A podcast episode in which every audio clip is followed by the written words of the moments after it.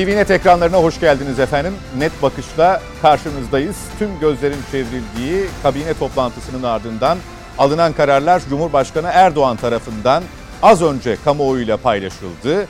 Bunların en önemlisi okullardaki durum. Biliyorsunuz daha önce 1 Mart olarak eğitim öğretimin başlayacağı duyurulmuştu ama son dakika hafta sonu son dakika bilgisiyle 1 Mart'taki yani bugünün e, işaret edildiği kabine toplantısının ardından yapılacak açıklama sonrasında kademeli normalleşme ya da kademeli esneme e, şeklinde bu başlık altında illere göre değişiklik göstereceği belirtilmişti. Nitekim e, orta ve ortanın üstündeki yüksek riskli illerde eğitim öğretim bir müddet daha uzaktan devam edecek e, riski az olan bölgelerde de eğitim öğretime başlanacak.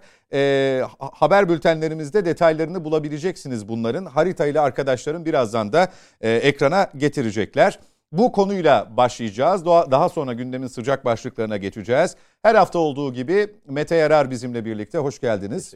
Mücahit Birinci yine bizimle birlikte. Hoş geldiniz Hoş Mücahit bulduk, Bey. Sağ olun. Eray Güçler, Altınbaş Üniversitesi öğretim üyesi. Hoş geldiniz hocam. Teşekkür ederim. İlerleyen dakikalarda daha doğrusu ikinci kısımda biraz daha dış politikayı konuşacağımız bölümde doçent doktor Ece Baban bize Skype bağlantısıyla katılacak diyelim ve Mücahit Birinci'ye sorarak başlayalım. Şimdi e, düşük ve orta riskli illerde e, yüksek ve çok yüksü, e, yüksek riskli illerde diye bir sınıflandırma söz konusu. Haritayı tekrar verebiliriz arkadaşlar. Olmazsa ekrana da yansıtabiliriz.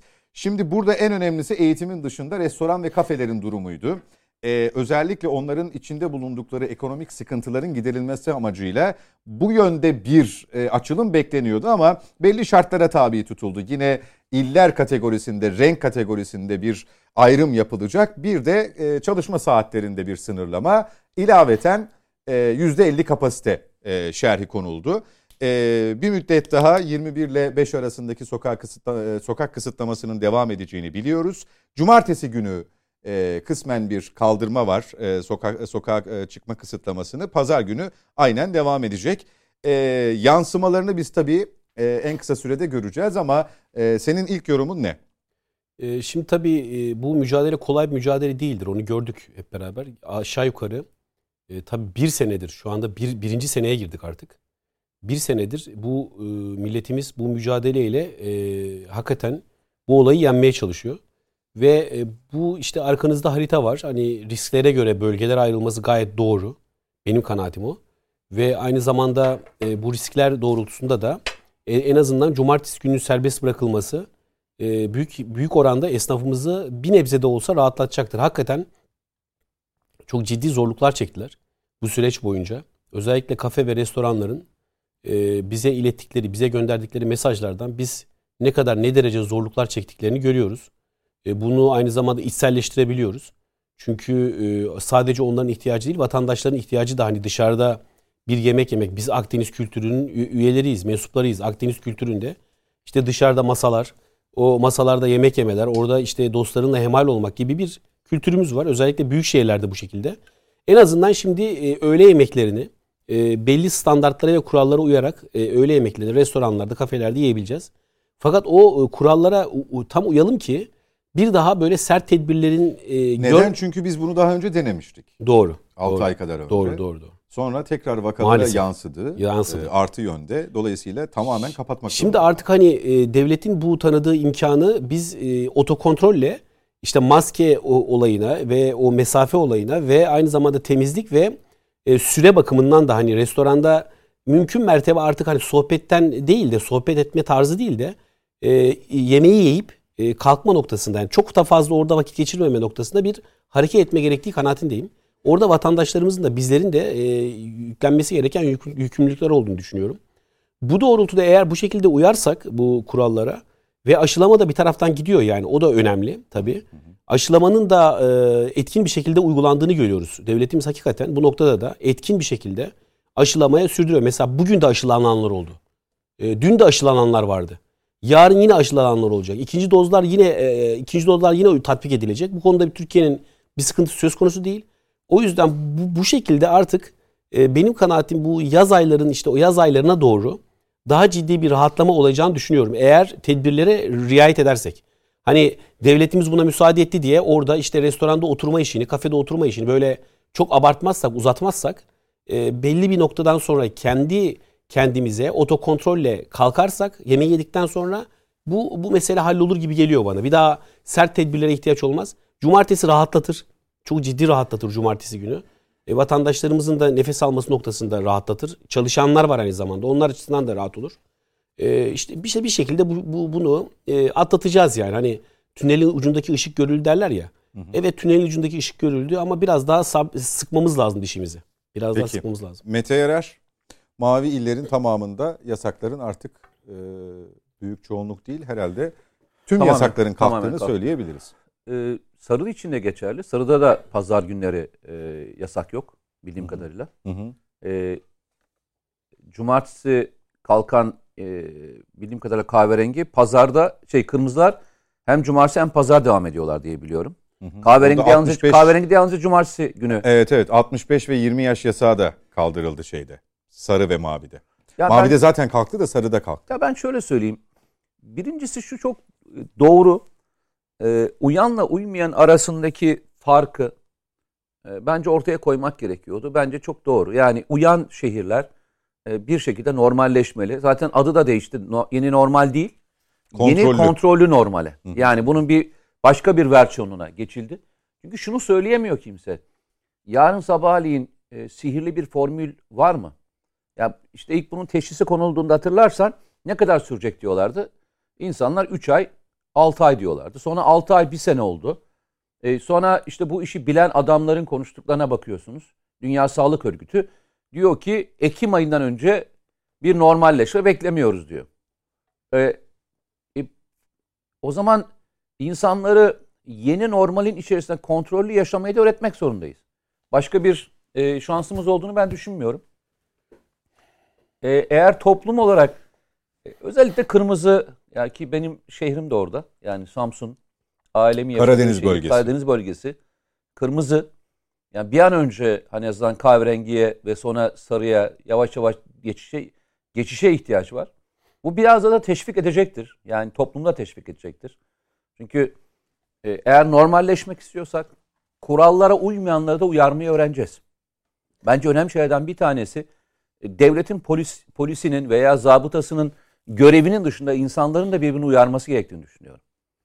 Çünkü bir tane kontrolsüz bir kişi e, onlarca kişiyi bulaş yapabiliyor. Ve bu bulaşın sonucunda seri olarak devam ediyor. Yani insanlar şunu söyleyecekler. Kardeşim bir an önce normalleşelim. Yani bir an önce kurallarımıza uyalım. Uymayanları uyaralım. Yani bir, bu, bunun başka bir tarzı yok çünkü. Bir yandan da tabii çok çok bunalındı. İşte çocukların e, sürekli evde oluşu, e, insanların Mücahit Birinci'nin işaret ettiği gibi e, bir kahve dahi dışarıda çıkıp içememesi. Böyle bir kültürümüz var. Doğru var. E, hani yemeği geçtim. Daha kısa süreli e, aktiviteleri yerine getirememe hali. E, her şeyi bulunduğumuz e, kısımda yani hatta Eroy, Eroy Hocam'la daha önce paylaşmıştım. Bu dönemde kahve yapmayı falan öğrenenler, e, daha önce çay demlemesini çok e, e, e, elinden gelmeyenler ama en iyi çayı demlemeye başlayanlar. Bu anlamda belki e, hayırlara vesile olmuştur ama netice itibariyle o bunalmışlığı da bir şekilde bertaraf etmek adına hani dişimizi azıcık daha sıkalım, azıcık daha sıkalım diyerek bu süreci geçirdik. Ama hani çok da fazla diş kalmadı sanki sıkası. Yani çalışanlar e, bir şey alışveriş yapma imkanları yoktu. Çünkü akşamları eve gel, gel geliyorlar ve e, ancak internette yapabiliyor. İnternetten ne kadar yapabilirsiniz? Birçok şey görünerek alınması Biz tabii bu arada kafeleri yani kendi sosyal alanımızda değerlendiriyoruz ama o kafelerin sahipleri, Tabii. lokantaların, restoranların işletenleri inanılmaz zararlara uğradılar. Yani, Aylardır kapalılar. Tabii, tabii, aynen öyle. Ee, borçları var, kira borçları var, elektrikleri, suları hani belki bir şekilde ötelendi, kolaylıklar sağlandı ama netice itibariyle müşteri olmayınca o çark dönmüyor. Yani şöyle söyleyeyim, öteleniyor. Yani sonuçta ötelendiğinde bitmiyor. Yani siz e, 6 ay sonra tekrar ödemek zorundasınız. Bir sene sonra bunu ödemek zorundasınız. Tabii. Ve ben birçok arkadaşımdan biliyorum, etrafındaki birçok insandan biliyorum. Bir sene şeyden yedik dediler. Cepten yedik. Artık e, hani iflasın eşiğindeyiz diyen ben çok insan tanıyorum. Gerçekten çok insan tanıyorum. Çünkü şöyle bir şey olmadı. Hani yapan insanlar da var etrafta. Ee, hani e, kolaylıklar sağlayan, e, kira almayan, kirasının %50'sini alan insanlar da oldu. Ama hiç bir e, şey yapmayan, esneme yapmayan insanlar da oldu. Bu nedenle bence yeni kontrollü normal en azından çünkü şey ne dedi? Ee, yanlış hatırlamıyorsam Sağlık Bakanı da Sayın Cumhurbaşkanı da Mayıs ayına kadar e, ülkenin belli bir nüfusunun üzerine e, aşılamış olacağız dediler. Doğru. O zaman Mart, Nisan anladığım kadarıyla bu kontrol süreci içerisine getireceğiz. Bu arada şeyi atacak, sayı atacak. İşte 20 milyon, 25 milyon. Bu arada şeyler olabilir. Hani e, gerçekten geçirmiş insanların biz şeyi bilmiyoruz çünkü. Yani Covid olup e, şeyi üretmiş olan, olan Antikor. antikor üretmiş olan insan sayısını bilmiyoruz. Onlarla beraber eğer bu rakam şey diyorlar %60'ın üstüne çıkmadan gerçek anlamda bir Doğru. esnemenin olması mümkün değil diyorlar. Amerika'da da öyle söylüyorlar. %60'ın üstüne çıkmak zorundasınız diyorlar. İnşallah Mayıs ayından sonra yani Mayıs ayı içerisinde inşallah bu süreci tamamlamış. Yaza daha belki konforlu girebiliriz. Ee, bu tedbirleri de harfiyen uygularsak şayet. Tek Bir de o da yetmiyor. e, Üstad şeyi tebrik etmek lazım. Bakın Uşak'ı görüyorum burada. Uşak. İlginç. Uşaklı kardeşlerimiz. O etrafı sarı, turuncu. Kütahya mesela kuzeyi. Ama e, valla kendileri birinci derecede şu anda hemen hemen vakanın bir tek nazar az boncuğu orada var. E, Nazar değmesin Uşak. Tamam değil mi? Bir nazar boncuğu orada. Bravo, Batıda, tebrikler. Batıda, evet. Eray Hocam. Şimdi tabii e, yani konunun iç dinamikleri gayet güzel anlatıldı, tartışıldı.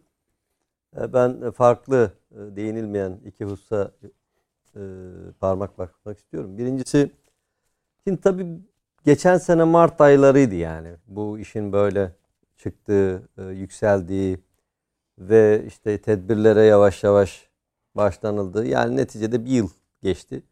Bir yıl içerisinde bir pandemi kültürü oluştu aslında.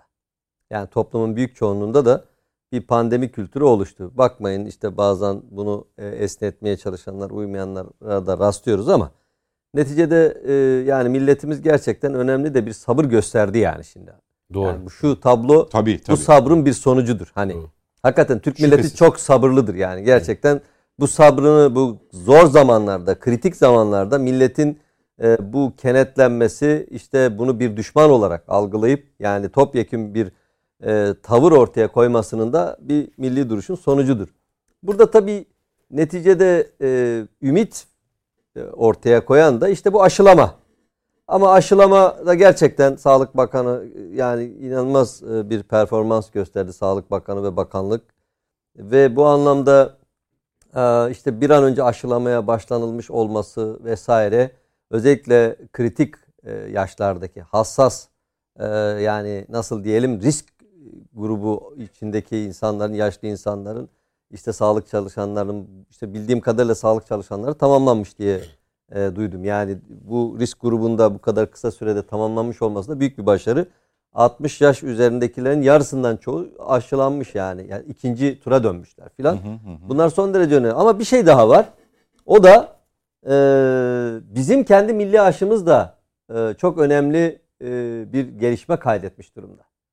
Yani ben bunu çok önemsiyordum. Baştan beri daha bu pandemi olmadan ya pandeminin ilk başlarından itibaren aşı mutlaka Türkiye'nin aşıya yatırım yapması ve milli bir aşıya sahip olmamız gerektiğini çok vurguluyorduk. Yani bu konuda gerçekten Türkiye'deki Türk bilim insanları, eli öpse, öpülesi o bilim insanları gerçekten çok e, fedakarca, çok gece gündüz çalışıyorlar. Yani inanılmaz bir performans ve yine aldığımız bilgiler. Bu benim tahminim. E, Yani bir kesin bir şey diyemem ama takip ettiğimiz bir konu olduğu için yaz aylarında Türk milli aşısı da çıkacak yani.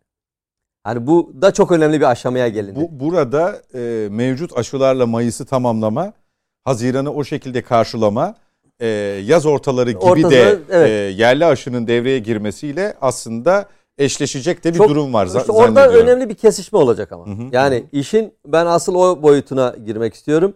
Şimdi bir kere e, bundan sonra olabilecek mutasyonlara karşı da Türkiye'nin anında aşı Cevap geliştirmesi verebilecek durumda e, olması. söz konusu olacak. Yani o dur İngiltere'de yapsınlar yok Almanya biz zaten kendi aşımızı hemen adapte edebiliriz. Yani bunun kaç tür mutasyon olursa olsun. Bu bize çok büyük bir rahatlık, çok büyük bir esneklik, çok büyük bir milli güvenlik sağlıyor. Bir de Yani- belli bir müddet aşılanacağız üstad. Efendim? Hocam belli bir müddet aşılanmaya devam edeceğiz. Yani full Tabii, bir tabii, koruma tabii. yok. Dolayısıyla o aşılanma tekrarlarında Şimdi işte bu yerli milli, aşılar devreye milli girecek. aşının, yerli aşının bu noktada devreye girmesi orta vadeli hatta uzun vadeli rahatlamanın da garantisi durumunda. Doğru doğru. Bu birincisi. İkincisi şimdi efendim bakınız dünyada bu aşı bir e, nasıl diyeyim kara borsaya düşmüş durumda adeta. Hani e, isim vermeyeceğim ama e, bir başka ülkenin bir başka gemiyle bir yere giden maskesini çalan korsan devletler gördük yani bu süreçte düşünün. Hani kendi devlet de işte korsanlık yapan devletler. Şimdi burada bakın bizim etrafımız özellikle çok şey aa, nasıl diyelim riskli bölgeler. Yani Irak, Suriye hatta olsun işte İran olsun yine göçmenler vesaire e, yani Türkiye sürekli e, bir giriş var Türkiye'ye ve Türkiye güvenli bir ülke. Şimdi dolayısıyla burada e, bu kara borsa nedeniyle özellikle belli ülkelerin kendi insanlarını aşılama noktasında adeta bir tekelleşme yaşadığımız, aşıda tekelleşme yaşadığımız şu günlerde Türkiye'nin milli ve yerli bir aşıya sahip olması ekonomik olarak da ülkemizi çok büyük oranda e, bir gelire kavuşturabilir.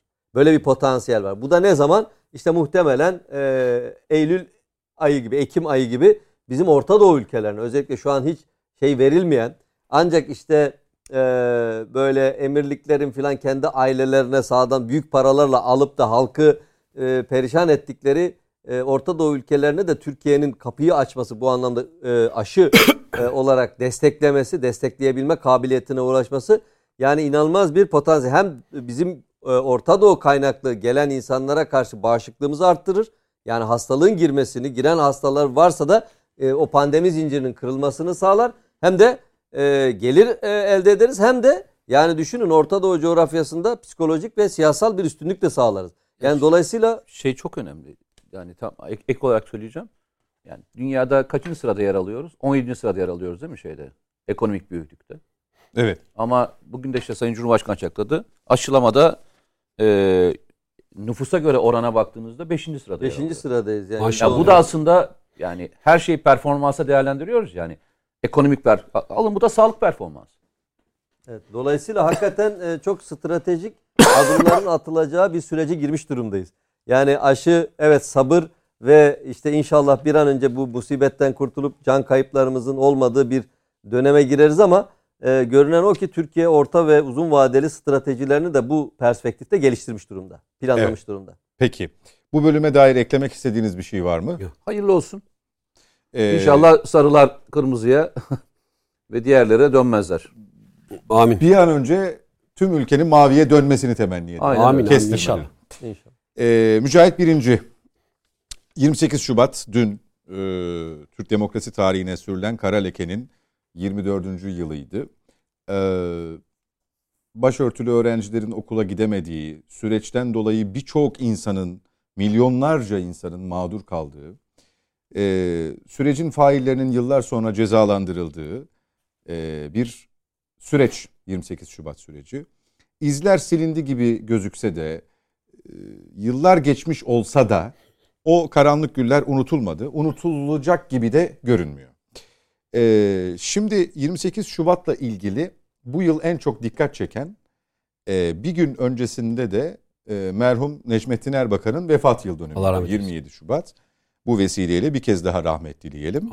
Ee, en dikkat çekeni 28 Şubat'a sebep olanların e, Erbakan Hoca'nın yani türlü vesilelerle açıklamalarla daha önceki vefat yıl dönümlerini vefatını bizzat e, anmışlardır. Taziyelerini iletmişlerdir ama böyle bir e, ne diyelim beraberce hareket etme ya da öyle bir fotoğraf verme çabasında oldukları bir 28 Şubat yıl dönümü geçirdik. Belki tam e, göze çarpmadı ama bu fotoğrafı vermek için yoğun bir çaba söz konusuydu. Sorulduğunda da biz 28 Şubat'a zaten karşıydık. Darbelerin her türlüsüne karşıydık gibi cümlelerde kurmaktan çekinmediler. Ama o dönemde en ön safta yer aldıkları bilgilerle, belgelerle, gazete kupürleriyle ortadaydı. Maalesef. Şimdi tabii 28 Şubat'ta bir takım flash olaylar belleklerde hala çok taze.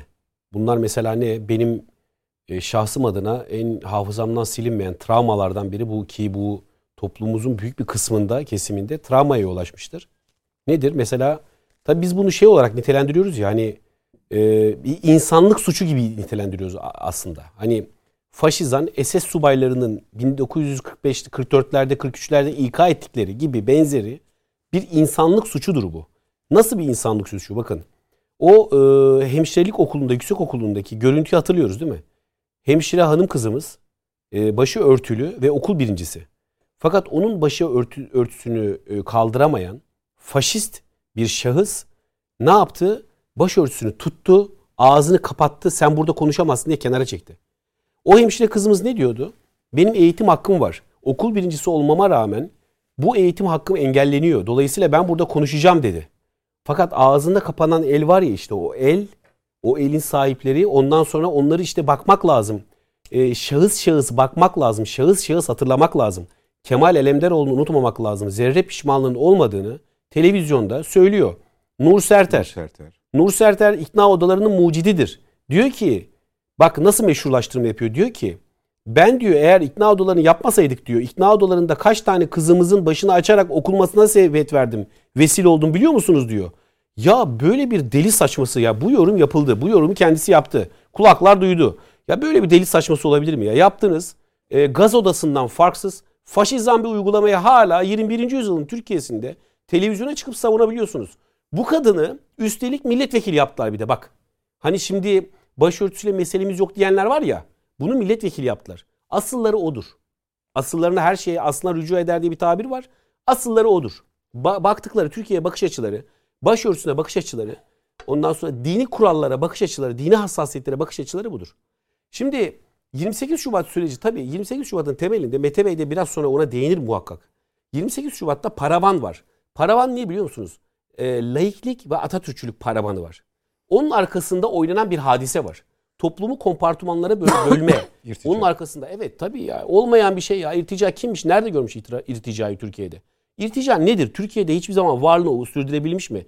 Türkiye böyle bir radikalizme kapı aralamış mı? Tarihinde, Türk tarihinde, Anadolu topraklarında böyle bir radikal duruş, böyle bir İslam'ın bu şekilde yorumlanması, adeta harici tırnak içerisinde söylüyorum yorumlanması Anadolu topraklarında nevşü nema bulmuş mu hiç? Bunun tarihi bir gerçekliği yok. Girişimler olmuş. Tabii ama, ama bunun bir tarihi gerçekliği yok. Yani Anadolu insanı, Anadolu insanının İslam'a bakışı temiz, saf, düzgündür. Bakış açısı bellidir. Bu tür e, bu tür e, ise istibdat içeren hadiseler topraklarda bizim topraklarımızda kök bulamazlar hiçbir zaman. Ne irticası? Türkiye'de hiçbir zaman öyle bir tehlike olmadı ki. O zaman da olmadı. Mesele o değil ki. Hani mesele ağaç değil ya. İşte mesele de o zaman irtica değil. Aynı hesap bu. Aynı hesap.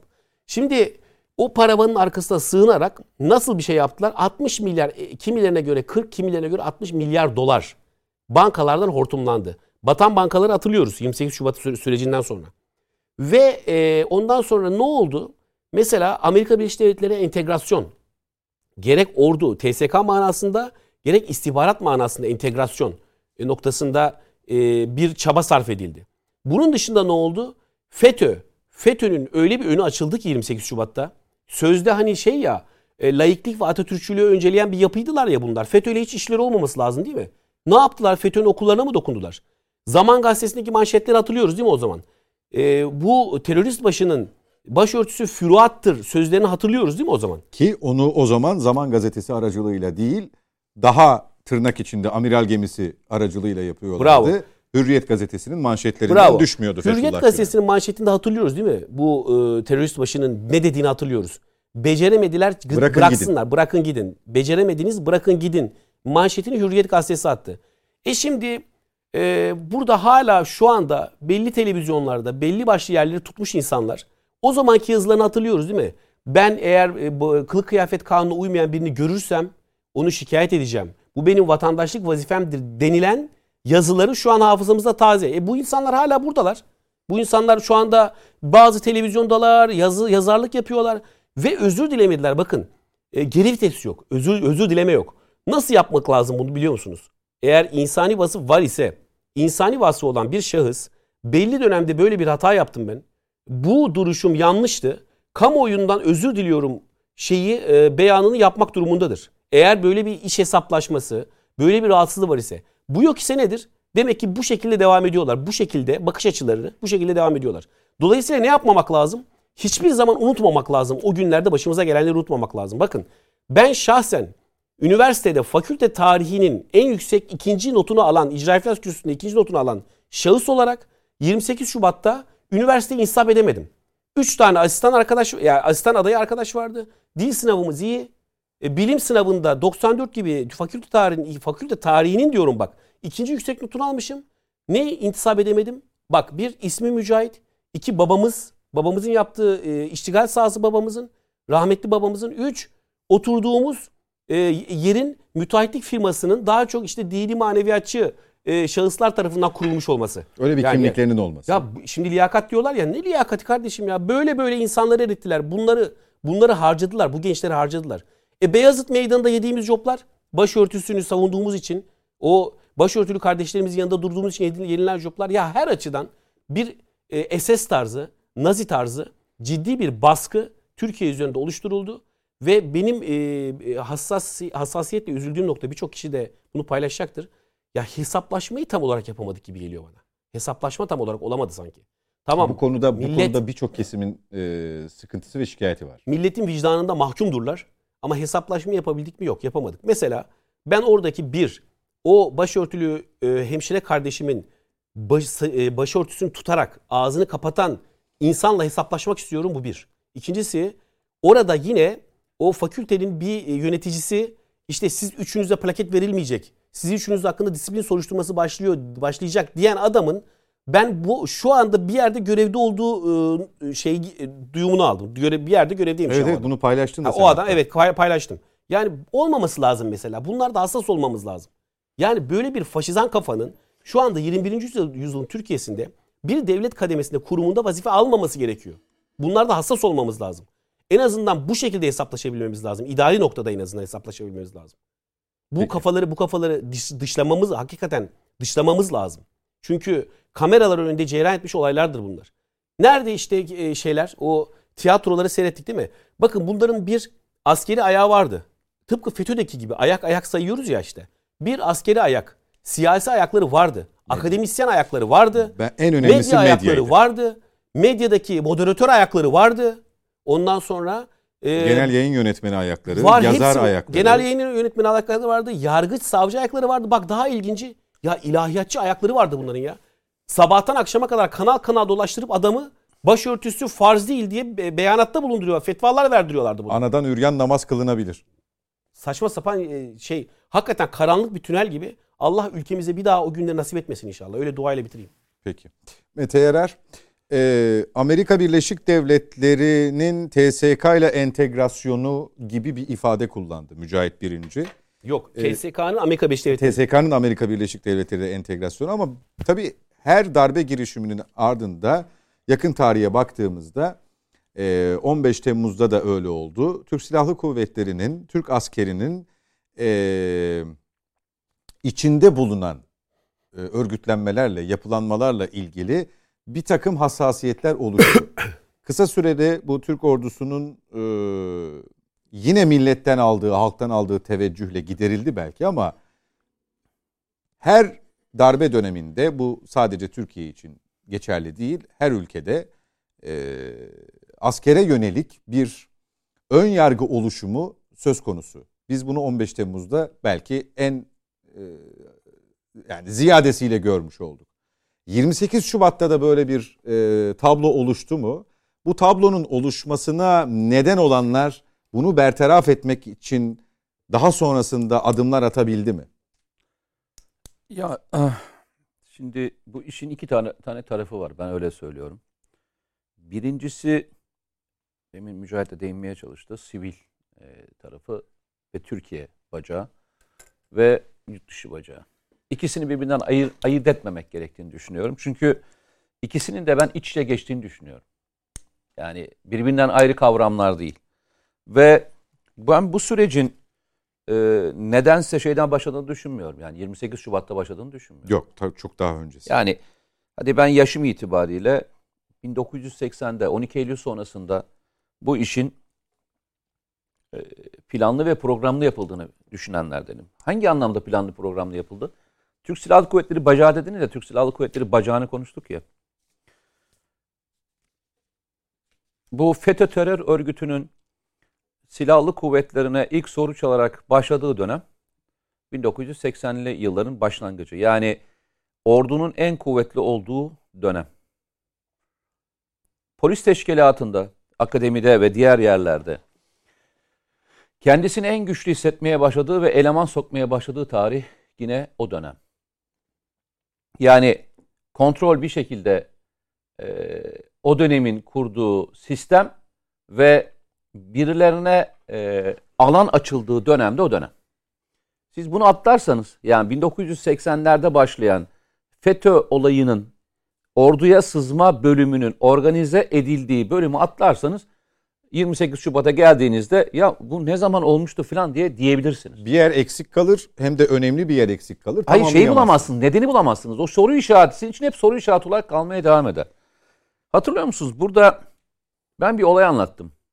Ee, şeyin Akit gazetesinde yazan o dönemin Latif Erdoğan galiba yanlış hatırlamıyorsam. Latif Erdoğan'ın e, şeyin bu Toplantılar, konferans değil mi? konferans, Hı. akademideki konferans. Yıl 28 Şubat'ın en zirve yaptığı dönem.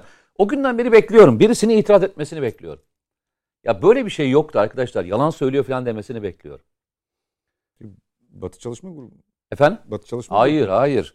Akademide FETÖ'yü öven bir toplantı yapılıyor, konferans yapılıyor. Ha ha bu programda konuştuğumuz. Onu söylüyorum. Ha, ha, tamam. Ben o günden beri bekliyorum çünkü sonuçta yazı döküldü bu. Yani biz de konuştuk ve sizin yani bu konuştuğunuz şey şeyde yayınlandı. Bayağı da döndü. Yani birisinin çıkıp ya ne diyorsunuz siz kardeşim öyle bir şey yapılmadı. Yok öyle böyle bir şey, Efendim? demesini ya da varsa da şöyle oldu demesini bekledik. Bek, evet. bek- inan o günden beri bekliyorum. Niye bekliyorum biliyor musun? Çünkü çoğunlukla 28 Şubat'la ilgili konuşulurken herkesin söylediği şey şu. Neye e, şey konuşuluyor? Deniyor ki o dönemdeki Fethullahçı terör örgütüne yapıldı. Bizim e, inanan insanlarla şeyimiz yoktu. Hep o konuşul, öyle anlatılmıyor mu? Öyle dinlemiyor musunuz bu hikayeyi? Öyle başlamıyor mu? Ne zaman bir konu olsa o dönemdeki atılanların büyük bir çoğunluğu bundan dolayı atıldı diye söyleniyor. E arkadaş o zaman şuna birisi cevap versin. O zamanın e, muktedir olanları, o dönem görevde olanlar desin ki kardeşim biz böyle bir şey yapmadık. Şimdi aynı yer oraya geliyor. Ya da yaptık ama bir şey söylesinler yani. Valla e, gerçekten ilginç. Ben ben e, açık ne söyleyeyim bana çok ilginç Bu geliyor. dönemde atılan arba kullanılan atılan FETÖ'cü yok. Bakınız mesela Hamza Celevoğlu. Mesela MİT tırları davasında durduran adam. e, Adana Bölge Komutanı. O soruşturma dönemlerinde bunlar işte e, diğer başkaları da var. Ee, özellikle korundular yani. Bunlara hiçbir şey yapılmadı. Şimdi o sürece bakıyorsun. O sürecin içerisindeki yaşanan dönemlere bakıyorsun. O zaman arkadaşlar sizin demek ki sorunuz şey değilmiş. Gerçek anlamda bunlar değilmiş. Neden olmadığını anlıyorsun. Şöyle bir örnekler vereceğim. Bu sürecin içerisine baktığında 28 Şubat'ın içerisinde gerçek anlamda e, çözülmeye çalışılan onlara göre sorunların e, bugün neden sorun olmadığını o zaman sormak lazım arkadaşlara. Çünkü o zaman itiraz edenlerin şimdi hiçbiri itiraz etmiyor bu konulara. Normal şey aslında yapılması gerekiyordu filan. Peki o zaman ben kendilerine bir soru daha soracağım. Bu konu tartışıldığında Türkiye'de şimdi şöyle bir mevzu çıktı. Bitmeyen 28 Şubat ve bitmeyen 28 Şubat'tan mağduriyet çıkartma hikayesi. Bu hep 28 Şubat geldiğinde en çok yazılan çizilenlerden bir tanesi. Bitmeyen 28 Şubat. Arkadaşlar 28 Şubat bittiğini zannediyor musunuz?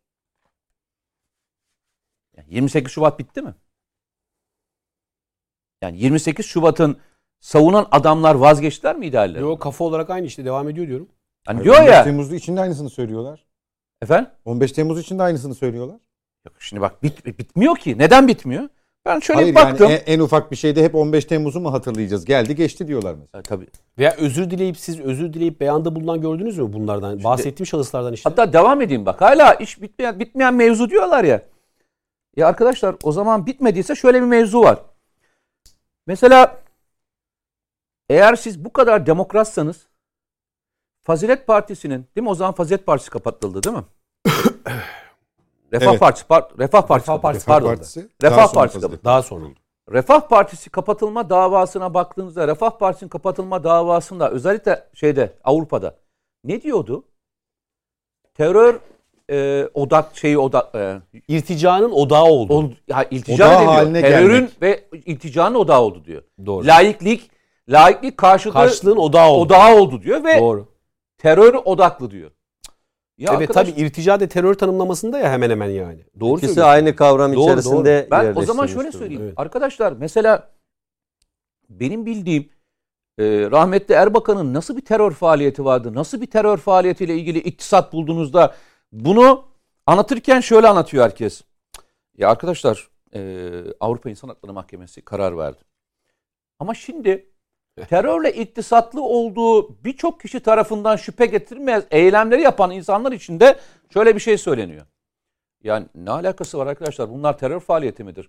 Bunlar normal bildiğiniz e, siyasi faaliyetlerdir. Ama ilginç olan ne biliyor musun? Gerçek anlamda terör faaliyetin içinde aranların mağduriyeti bitmiyor. Onlar hep mağdur olabilirler. Hiç sorun yok. Hep Evet. onlar mağdur olabilirler. Tabii. Ama terörle iktisatlı olduğu halde mağdur olabilirler. Ama terörle iktisatlı olmayanların kendisini mağdur olarak görme hakları da yok. Ne kadar güzel bir hayat ya. Ne kadar güzel bir demokratsınız siz ya. Ne kadar güzel böyle kendinizi odaklandırabiliyorsunuz bu işlerle. Şöyle baktım. Hikayeye baktım. Olayların gelişimine baktım. İlginç. Mesela dedim yani 28 Şubat bitmiş falan hikayesi. 2012'lerde mecliste şey konuşuluyor. İmam Hatip Lisesi mezunlarının da subay olabilme haklarının verilmesi konuşuluyor. Manşetler. İmam Hatipliler subay olacaklar. Hayırdır? Hayır, olamamasının önündeki engel sizce neydi? Üstad. Liseliler toplu namaz kıldı, kılıyor. Cuma namazına gidiyorlar. Toplu namaz kılıyor Toplu denilen mo- moderat şeyi haber habercileri gördük yani. Şimdi ben Hayattalar, ben hayattalar. bu, Geri vitesleri yok ya. 2012 ya. Geri vitesleri yok yani. Özürleri Bak, yok. 28 Şubat falan süreçte değil. 12 Eylül'den bahsediyorum. Arkadaşlar bitti dediğiniz sürecin içerisinde Abdullah Gül'ün Cumhurbaşkanı olmasından sonraki yaşadığı sürece bakarsınız. Bakarsınız ya. Yapılanlara bakarsınız. Seçilmemesi için yapılanlara da bakarsınız. Daha sonra eşi başörtülü olduğu için yaşadığı sürece de bakarsınız. Hani deniyor ya 28 Şubat mağduriyeti bitmedi. Arkadaş bitirmeyen sizsiniz. Bir normalleşemediniz ki. Bir demokrat olamadınız ki. Bir insan hakları ile ilgili genel anlamda dönüşümü sağlayamadınız ki. Bugün herhangi bir konu olduğunda, hala aynı konu olduğunda şöyle yazılıyor mu? Mesela herhangi bir konu olduğunda. İşte en kötü olay nedir? Sapıklık diyelim değil mi? Sapığın mesleğini yukarı yazıyor musunuz? Yazmıyorsunuz. Ama ne yazıyorsunuz biliyor musunuz? Eğer bu bir kesime bir kesime ise hemen üstüne çak diye koyabiliyorsunuz. Etiketliyorsun. Etiketleyebiliyorsunuz çok rahat bir şekilde. Niye öbürlerini yazmıyorsunuz da özellikle hep aynı yere, hep aynı yere, hep aynı yere vurmaya devam ediyorsunuz? Herhangi bir kesimden, her kesim içinden insanlar çıkabiliyor. Her kesimin içerisinde iyisi var, kötüsü var. Yani insanları, meslekleri temizlemiyor veya bulundukları e, zümrede onu e, ahlaklı yapmıyor. İster din olarak söyleyin, isterseniz mezhep, isterseniz etik olarak söyleyin, isterseniz etnik kimlik olarak söyleyin. İnsanın bireysel olduğunu geldiğinde her zaman şöyle söyleniyor. Ama siz şimdi her türlü konuda genelleme yapıyorsunuz diye başlayan cümle kuruyorsunuz. Terörle ilgili mesela. Arkasından başlıyorsunuz herhangi bir konu geldiğinde bir büyük bir camiayı veya büyük bir kurumu veya büyük bir derneği anında en büyük yaftayla yaftalayabiliyorsunuz. Arkadaşlar ben size söyleyeyim mi? 28 Şubat mağduriyeti niye bitmedi biliyor musunuz? Bitirmeyen sizsiniz çünkü. Siz çünkü bir türlü normalleşmediniz. Normalleşseydiniz, normalleşebilseydiniz, aklınızda, fikrinizde, zikrinizde, yaşam tarzınızda hayatı normalleştirseydiniz, insanlar da normalleşecekti. Hiç kimsenin şöyle bir şans şeyi yok ki. Yani ilelebet intikam intikam diye bir durum yok ki. Kimse böyle bir şey istemiyor. Sonuçta İş yerine gidiyorsun. Beraber yemek yiyorsun. Başı açık, başı kapalı. İnanan, inanmayan. Farklı mezheplerden, farklı dinlerden insanlar beraber çalışıyor. Evine geliyorsun aynı şekilde. Etrafındaki komşuların aynı şekilde. Hayatın kendisinin içerisinde anormal yaşayamazsın ki. Nefretle yaşayamazsın ki. Senin ailenin içinde de inanı var, inanmayanı var. Sen inanmayanla ailenden oturmuyor musun? Oturuyorsun beraber. Ama sen normalleşmek isteyen insanların kafasındaki bozayı şişir, pişirmekten vazgeçmedin arkadaş. Bak itirazın burada başlıyor. Bunun sebebi ne biliyor musun? Bunun bile dış etkeni var da o yüzden bitmiyor. Finansörü çünkü Türkiye'de değil. Çünkü finansör dışarıdan olunca bu ya bu işi yapan adamlar hep dedin ya demin çok ilginç bir şey. Normalde hayatın içerisinde sen ben bir kelimeyi yanlış yapsak hayatımızın bir karesinde yanlış bir cümle geçirsek paramparça ediliriz değil mi? Ama nedense bir grup var ki Türkiye'de hiç kimse dokunamaz. Her türlü şeyi söyleme hakları var. Ve onların demokratlığından asla kimse şüphe etmez nedense. Hiç konuşulmaz, hiç tartışılmaz. Daimi demokrattır onlar. Bak gerçekten söylüyorum. Hiç tartışılmaz. Daimi demokrat güzelmiş ya. Hatta gündeme bile getirilemezler. Hani e, şu şey var ya Dokunulmazlar diye bir film vardı hatırlıyor musun? Evet abi. Aynen. Dokunulmazlar denen bir grup var. O grup o grup hala nereden beslendiğini, nasıl yaptıklarını bildiğimiz adamlardan kaynaklandığı için, insanlardan kaynaklandığı için bu, bu gerçekleşiyor. Bir örnekle bitireyim ondan sonra e, Üstad devam etsin. Ben darbeler tarihini okurken ve çağırırken hep örnekleri, birbiriyle örnekleriyle birleştirerek götürürüm. Şili örneği bizim örneğe çok benziyor. Şili. Şili'deki Pinochet'in e, iktidara gelmesi e, Salvador Allende'ye devrilmesi. Allende'nin de devrilmesi. O kadar benziyor ki. Allende Amerikan karşıtı daha doğrusu Amerikan karşıtı değil. Vatansever bir adam. Ve bakır madenlerini millileştirecek. O zamanın bakır madenleri şimdi mi lityumu. Yani dünyadaki her şey onun üzerine dönüyor. Bakır üzerine dönüyor. Evet. Şirketler, Amerikan şirketleri ve ordunun eğitim alan bütün subayları da Amerika'da eğitim alıyorlar. Yani tepeye gidecek olan Amerika'dan gelerek eğitim alıyorlar. İlginç bir şeyler oluyor. Allen de iktidara geliyor. Daha doğrusu seçimi kazanıyor. Ve meclise baskı yapılıyor. Deniyor ki Allen de birinci olmuş olmasına rağmen kendisine diyorlar yetkiyi vermeyeceksiniz. Ondan sonra gelene vereceksiniz diyorlar. Hatırlattı mı size bir şey? Elbette hatırlattı. He?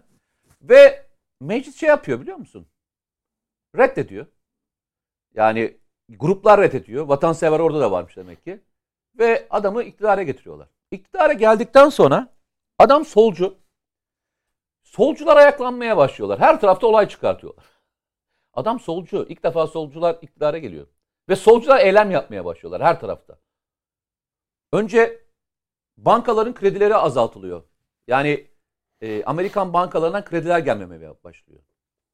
Sonra finans sistemi tıkanmaya başlıyor. E, malzeme almamaya başlıyorlar. E, kamyoncular greve gidiyor.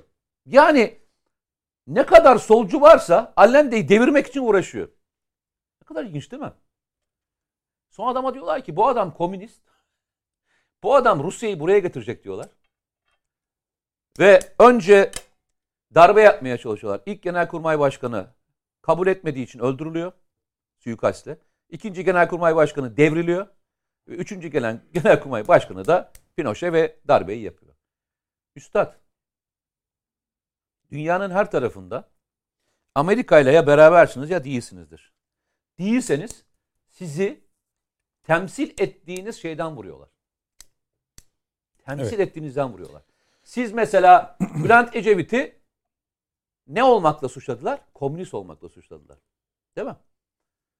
Demirel'i neyle suçladılar? Rusya'ya yakınlaşmakla suçladılar. Şeyi? Erbakan'ı. Şöyle baktım. Hani Wikipedia vardır. Wikipedia'da hani herkes doldurur ama aşağı yukarı yazar. Erbakan'ı suçlanan suçlar. Çünkü en ağırları da yazılıyor oluyor. Yazılanların hepsini bir okumalarını tavsiye ederim. neden Erbakan o dönemde şey yapılmış, tenkit edilmiş? Sayayım mı? Tarikat ve e, şeylere Üstad tenkit biraz Ee, az kaldı ya. Omuza, efendim? omuz attılar. Yalnız. Eray Hocam'ın süresi e, Ha, ona öyle mi peki? Hayır çünkü neden önemli biliyor musun? kızmaya başladı. Yani rütbeliler omuz, Bugün omuz attılar. Belli Bugün- oluyor mu? Bugün baktığın, bugün baktığın bütün olaylar, bugün baktığın bütün olayların yanında yüzde biri bile geçmez yanında. Peki. Onlar buralı ya hocam. Şimdi Eyvallah. siz misafirsiniz. Susmazlar değil mi? Ee, estağfurullah. Eyvallah. 28 Estağfurullah, Şubat sonra iyi. araya gideceğim. Evet şimdi tabii e, bu içerideki yaşanan kaotik süreçler Ee, Aslında- Mete Yarar biraz genişletti Evet. konuyu. İyi de Evet. oldu aslında. İyi de oldu. Ben onun ama bıraktığı siz de yerden- asker kökenli olmanız hasebiyle Evet. benim o sorduğum soruya tam net cevap verebilir misiniz? hangisi? Hani e, Mücahit birinci başlatmıştı ya Amerika, TSG, entegrasyon, halkın nazarında Türk ordusu, darbeci Türk ordusu algısı vesaire.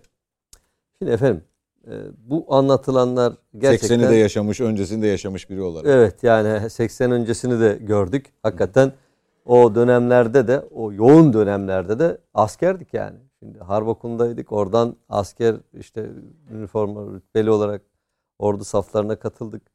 E, Yani o süreçleri çok yakinen gördük, hissettik. O atmosferin, o karanlık, o boğucu atmosferin içerisinde maalesef yani olmaması gereken akla ziyan iddialarla böyle çok e, kaotik şeyler yaşadık. E, Tabii daha da çoğaltabiliriz bunları. Yani şimdi işte bir başörtü meselesine e, yani ifade edilen neydi? Ya bunlar işte irtica istiyorlar filan. İrtica ne? Gericilik. Gericilik ne? Atatürkçülüğe karşılık. Şimdi yani böyle e, insanları kamplaşmaya zorlamak, bölmek, parçalamak için hakikaten çok uğraştılar. Şimdi buradan Sayın Hocam'ın e, olduğu yere ben geçmek istiyorum. Biraz makro bakmalı. Yani sosyolojiyi o yüzden severim. Yani sosyoloji makro bakıştır. Ee, Bir, bir psikoloji gibi bireysel bakmaz. Hani topluma genel bakar, ülkeye genel, olaylara, olguya. Şimdi efendim yani burada bakınız bu 28 Şubat e, virüsü diyelim. Yani bu virüsler e, yurt içine üstadım da dediği gibi dışarıdan yurt içine sokuldu yani. Ve bunun bir hazırlık kuluçka safhası oldu. Yani 80 sonrası dönem evet PKK dışındaki bütün örgütler tasfiye edildi filan. Bu arada PKK korundu dışarıda ama ki tam da bakın Haziran ayıdır. PKK'nın yurt dışına çıkışı, Suriye'ye çıkışı. E, Eylül ayında da darbe oluyor. Yani düşünebiliyor musunuz? Hani haber alıyorlar ve çıkartılıyorlar. Şimdi burada ve aynı işte bir gruba da getirip Türkiye'de darbe yaptırılıyor. Yani şimdi dolayısıyla e, bu süreçten o 28 Şubat'a kadar geçen dönem bir kuluçka ve hazırlık safhasıdır. Yani işte büyük emperyalist güçler böyle sabırla stratejik planlar yaparlar. Ve ne oldu?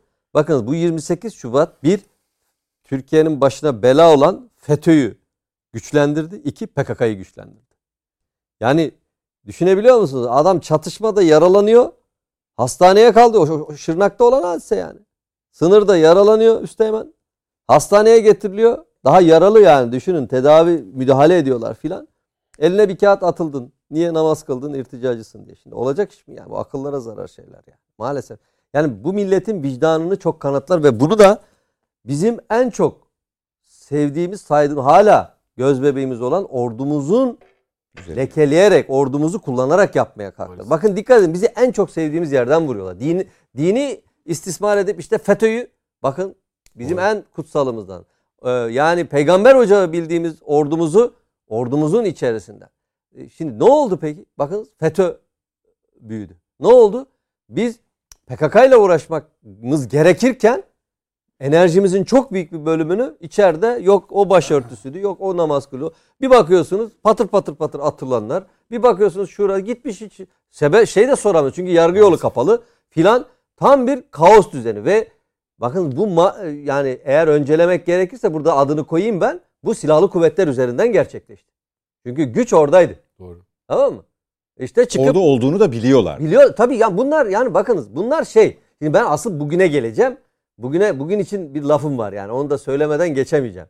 Yani şimdi ve ne oldu? Bu silahlı güç bir devlet otoritesine karşı meşru yönetimler üzerinde baskı kurdu işte. Erbakan Hoca örneği. Yani istifa etmek zorunda kalıyor adam ya. Var mı böyle bir şey? Başbakanı istifa ettiriyorlar yani. Hani akla zarar.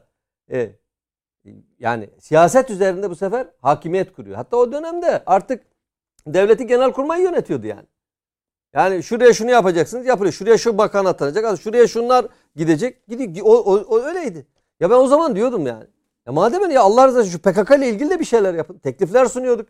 Bakınız şuralara işte asfalt yollar yapılsın. Efendime söyleyeyim mayınlamayı önleyecek şunlar. Üst bölgelerini buradan alalım şu. Hiçbiri dinlenmiyor. Bakın. Tamamen bütün milleti. Hatta size üstadım bilir bakınız. Şimdi bu PKK'nın terörle mücadelenin, PKK'nın belini kıran terörle mücadelenin ana unsurlarından bir tanesi SİHA değil mi? İHA.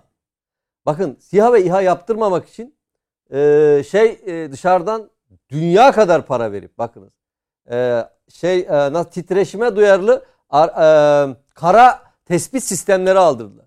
Ya inanamazsınız yani. Kara tespit sisteminin ne işe yarayacak Güneydoğu'da o dağlık arazide engebede. Onu da söktüler Yani ondan sensör sonra. Sensör, sensör. Sensör. Ondan sonra onu da söktüler Edirne'de bir yere götürdüler. Ben Dediler ki anlamadım şimdi sensörü ya. Bir daha onu bir şey yapabilir misin? Titreşim de değil. Sensörü anlamadım ben. Ya Niye- şöyle niye anlamadım? e, şimdi bu sınır hattına bir Tamam. sensör sistemi e, o, kurdular. Dışarıdan getirdiler. Bunun parasını da Tamam. Türkiye'de üretilmedi.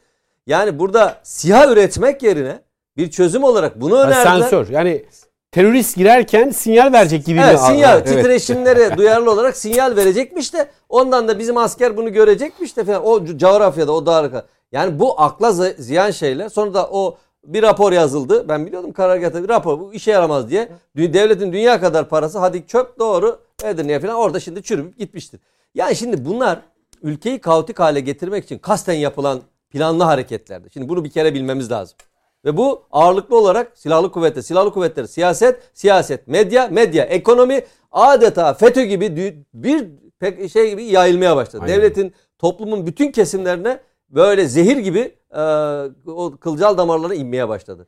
Şimdi tabii bu ne oldu? Bunlar devlet yıkılmaz ki. Koca bir Türk devleti yani. Ve emperyalist planı okumak lazım burada. FETÖ. FETÖ gayet güzel. Burada işte bakın söylüyorum. İşte istiyorsanız araştırma yapsınlar. O 1986, 87, 88, 89 dönemlerinde harp okullarında yapılan irtica soruşturmalarında atılanların içinde bir tane FETÖ'cü var mı? Hadi Yok buyurun. efendim yani gözümüzün önünde ismen de sayarım da şimdi şey olmasın. Neydi onun ismi? Adamlara ce- cezaevindeler çünkü. Hakkı doğmasın yani. Asker Ya söylüyor bunu işte bak. Şimdi bakın alın. Bakın ya çok basit bir mantık. Buyurun. O dönemde soruşturma geçirip atılanların içerisinde bir tane FETÖ'cü var mıydı? Aa, çıksınlar valla yoktu. Yani ben de hepsini kendi sıra arkadaşlar. Şimdi bakın. Sonuçta bir karanlık dönem ama bu karanlık dönem daha karanlık dönemlerin de zeminini oluşturdu. Bir FETÖ yönünden, iki PKK yönünden. PKK büyüdü. Bakınız o tarihlere PKK'nın zirve yattığı zaman. Çünkü ordu e, PKK ile uğraşmak yerine güvenlik kuvvetleri PKK irticayla e, vesaire. Yani onlara e, bütün enerjimizi onlara ver, veriyorduk. E, ya da devleti. o- İrtica Şimdi- diye bir şey yok. Üstelik varsa da bunu Yok e, efendim yani ordu- bakın irticaydı. bunu Tü- Türk askeri bununla mücadele eder. Bakın o irticaydı, Algısı. başörtüsüydü, bilmem ne. Bunların hepsi maske. Sahte evet. Yani bunlar Sahte maske. işlemler. Hani Hayır hayır. siz bir kelime o algı kullandınız. işte senin söylediğin Doğru, doğru. hadise var ya yani varsa böyle bir şey yok da irtica söz konusuysa onunla mücadeleyi Türk Silahlı Kuvvetleri yapar. Eşittir o yani. Ya mı çok değil mi? daha- Mı yapar mı acaba bir de Yani- yani? Hayır Çok- o algıyı oturtmak zaten maksat Ya o çok değil mi? daha yani? ötede aslında sadece işte o Sana mı kalmış komut- yani onunla komuta mücadele etmek heyeti, mesela? Velev ki Toparlayalım hocam. Yani komuta heyeti her şey onlar sadece en iyisi diğerleri tukaka. Yani verilen bütün mesajlar hem ordu içerisinde hem de dışarıya buydu. Üstad pardon özür dilerim. Bir Abi şey bir cümleyi söyleyeyim de şunu tamamlayayım. Ondan sonra çünkü ben bitiyor. size so- soracaktım bir şey. Tamam. Müsaade çünkü önemli. Buraya gelmem lazım. Bugüne gelmem lazım. Bakınız. Şimdi FETÖ örneğinden gideceğim. Bakın bugün hala daha içimizde çeşitli yerlerde FETÖ artıkları toplanıyor. İşte operasyonlar yapılıyor. O deşifreler şunlar bunlar. Ama şu bir gerçek. Bir, adamların istihbarat akışı hala devam ediyor. Yani yurt içinde PKK tehdidi bitmemiştir. Evet çok büyük oranda e, bitmiştir. E, yani tutup da bize bir kalkışma yapacak filan asla seviyede değiller. Tasfiye edildiler. Ama tam olarak bitmiş midir? Hayır bitmemiştir. PKK mı Şimdi- FETÖ mü? FETÖ. Şimdi bu PKK dedin de o yüzden. özür diliyorum o zaman. FETÖ. PKK bitti. PKK ile ilgili bir şey yok. Düzelteyim. FETÖ. Yani Hızlanmamız gerekiyor. Araya gideceğim. yani şimdi istihbarat devam ediyor. Para akışı bunlara devam ediyor. Şimdi aynı o 28 Şubatları hani dediniz ya duranlar onlara da devam ediyor. Bakın. O yüzden 28 Şubat bitmiyor. O yüzden 28 Şubat tartışması bitmiyor. Ya da mağduriyetleri. Peki. Ee, Soru şunu şu Kısa mı? omuz atan omuz atan e, şahıs rütbesi neydi hatırlıyor musunuz? E, Sayın rahmetli merhum Erbakan'a omuz atan bir askeri toplantı hatırlıyor musunuz? Olayı hatırlıyor musunuz? Yok hatırlamıyorum. Omuz atan saygısızca omuz atan bak sivil siyasete omuz atan bir asker gördük orada.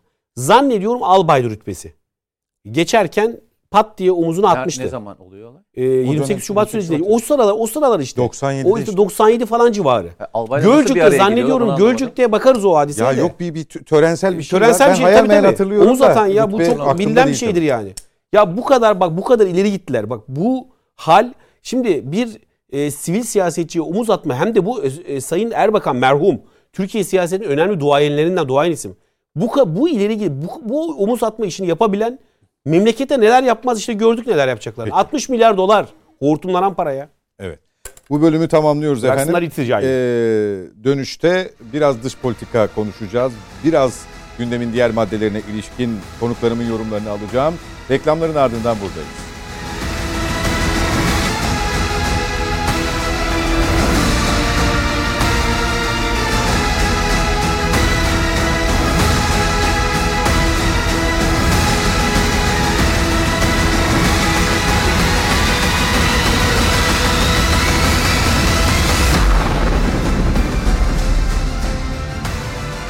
Yeniden birlikteyiz. Net Bakış'a devam ediyoruz. Mete Yarar, Mücahit Birinci ve Eray Güçlüer stüdyoda konuğum. Bu bölümde doçent doktor Ece Baban da bize katıldı. Ece hocam hazırsa, bizi duyabiliyorsa bir merhaba diyelim kendisine. İyi akşamlar hocam, hoş geldiniz. İyi akşamlar, merhabalar, hoş bulduk. Çok teşekkürler. Bu arada geçmiş olsun. Var mı bir şey? Ha, hocam geçmiş Yok. olsun. Sizi stüdyoda ağırlayamadık. Evet, Ee, herhangi bir evet. sorun söz konusu mu? Testinizin sonucunu şu alabildiniz mi? Test sonucumu bekliyorum ben de. Ee, umarım negatif çıkar. Yani ben de herhalde yayındayken test sonucum gelmiş olacak. Arada bakıyorum çünkü. en Herhangi bir bulgu var mı? Herhangi bir rahatsızlık hissediyor musunuz? Yani bir ağrı hissediyordum. Ee, aynı zamanda birazcık halsizlik, kas ağrısı, eklem ağrısı. Ama tabii o, bu bir hani üşütme de olabilir. Ee, tabii Covid de olabilir. Umarım olmaz ama. Dolayısıyla kimseyi tehlikeye atmamak için e, birazcık e, hani test yaptırarak kendimi gözlemleyerek karantina altındayım şu anda. Bu duyarlarınız için ayrıca teşekkür ediyoruz. Ee, bu haldeyken e, kırmayıp yayına katıldığınız için de.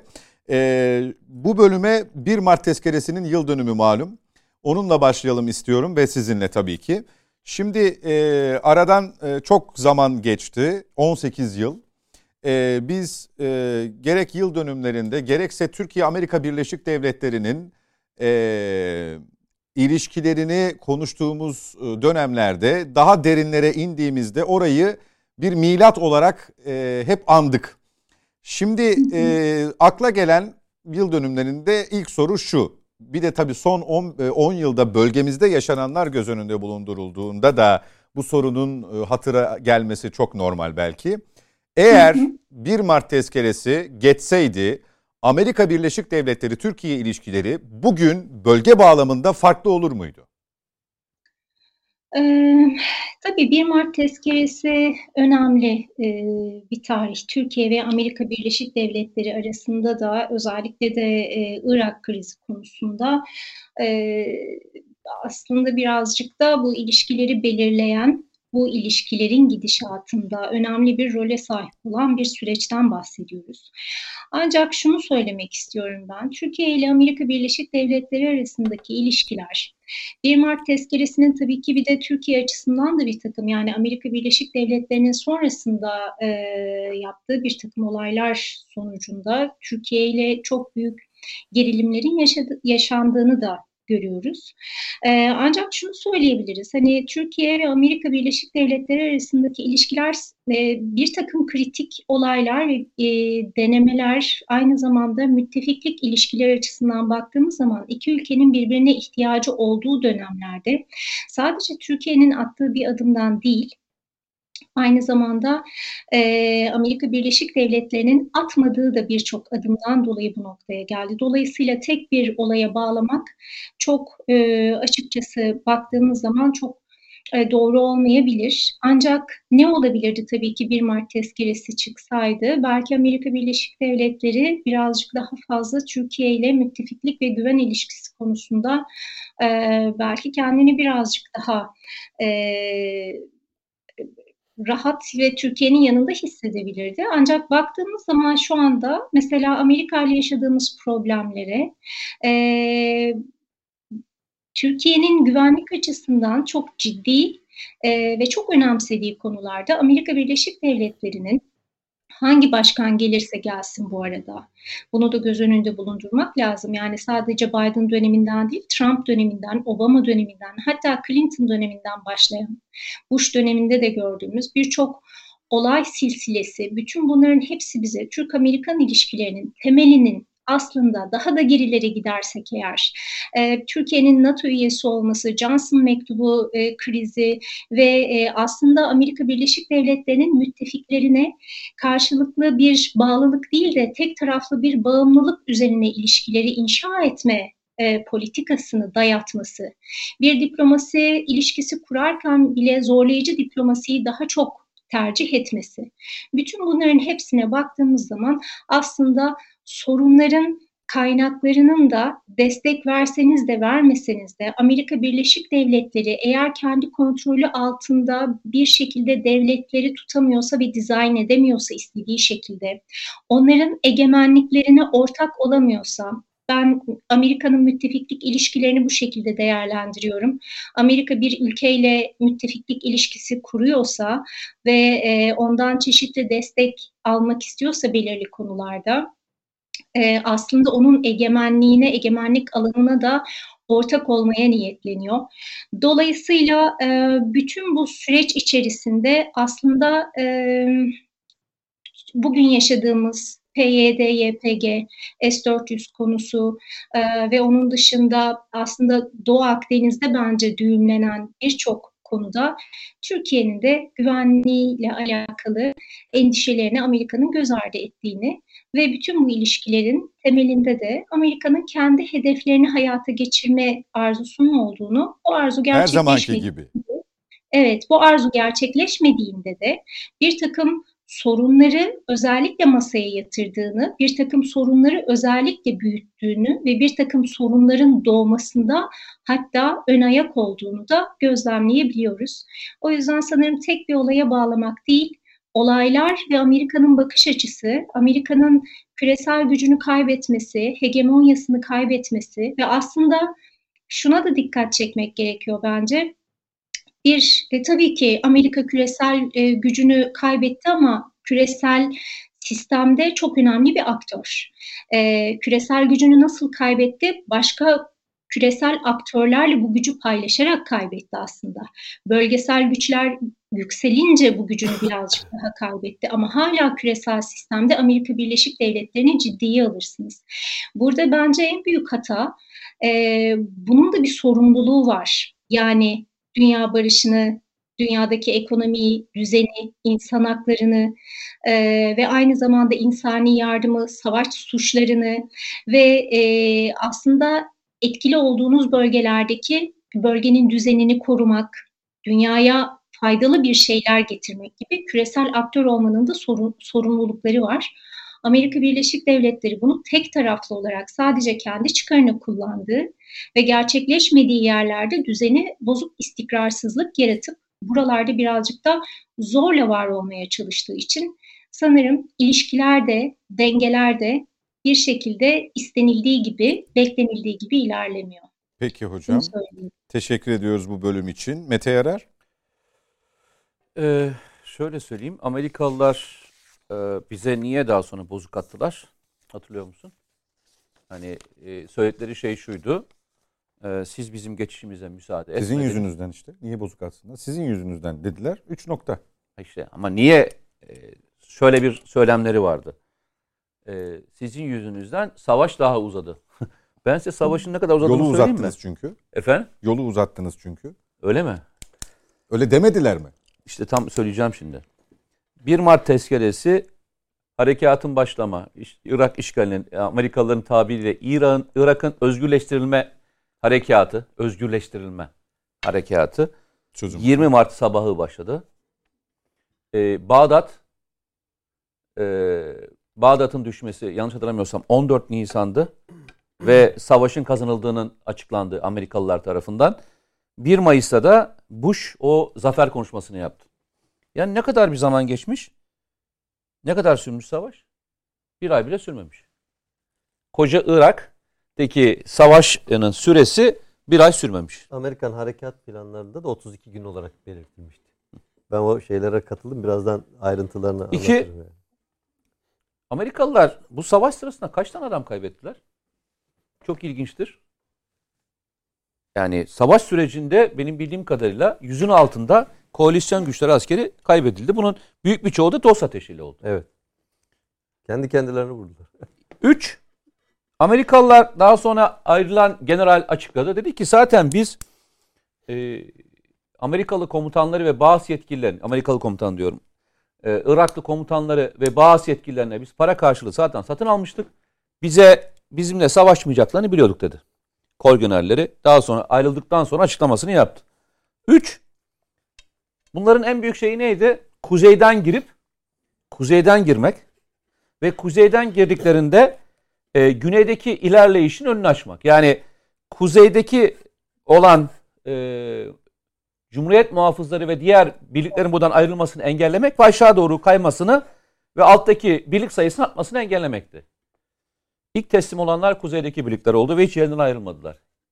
En büyük ilerleme de yukarı yukarıdan indirilen hava indirme birlikleri inmişti hatırlarsan. O zaman hava indirme birlikleri indirildi kuzeye ve en iyi ilerleme de kuzeyden oldu. Yani Amerikan tezlerine bakarsan söylenen hiçbir şeyin doğru olmadığını çok net olarak görürsün. Ne savaş uzun sürdü, ne kayıp verdiler, ne de pozisyon itibariyle onları zorlayan bir durum oldu. Amerikalıların savaş planlarını etkileyebilecek olan bir organizasyon gerçekleşmedi şey için Amerikalılar için. Peki niye bozuk attılar? Bozukluktan en önemli sebeplerinden bir tanesi şuydu. Ya biz Amerika'yız kardeşim. Yani bizim dediğimizi niye yapmadınız? Biz sizin NATO müttefikiniz. Biz sizinle beraberiz. Siz bizim bizim dediğimizi niye yapmadınız? En büyük şey bu. Yani e, savaşın ger- kendisiyle ilgisi alakası olan bir gerçekleşmeden bahsetmiyoruz. Kibirden ve hep o kendisini üst perdeden görmesinden kaynaklanan bir durumla ilgili bu. Gerçekliği yok. Peki savaşın bitiminde 2003'teki bu Mayıs'tan itibaren tabloda bir değişiklik var mı? Yani Amerikalılar ikmalini nereden yaptı? İkmal geçişi nereden sağlandı?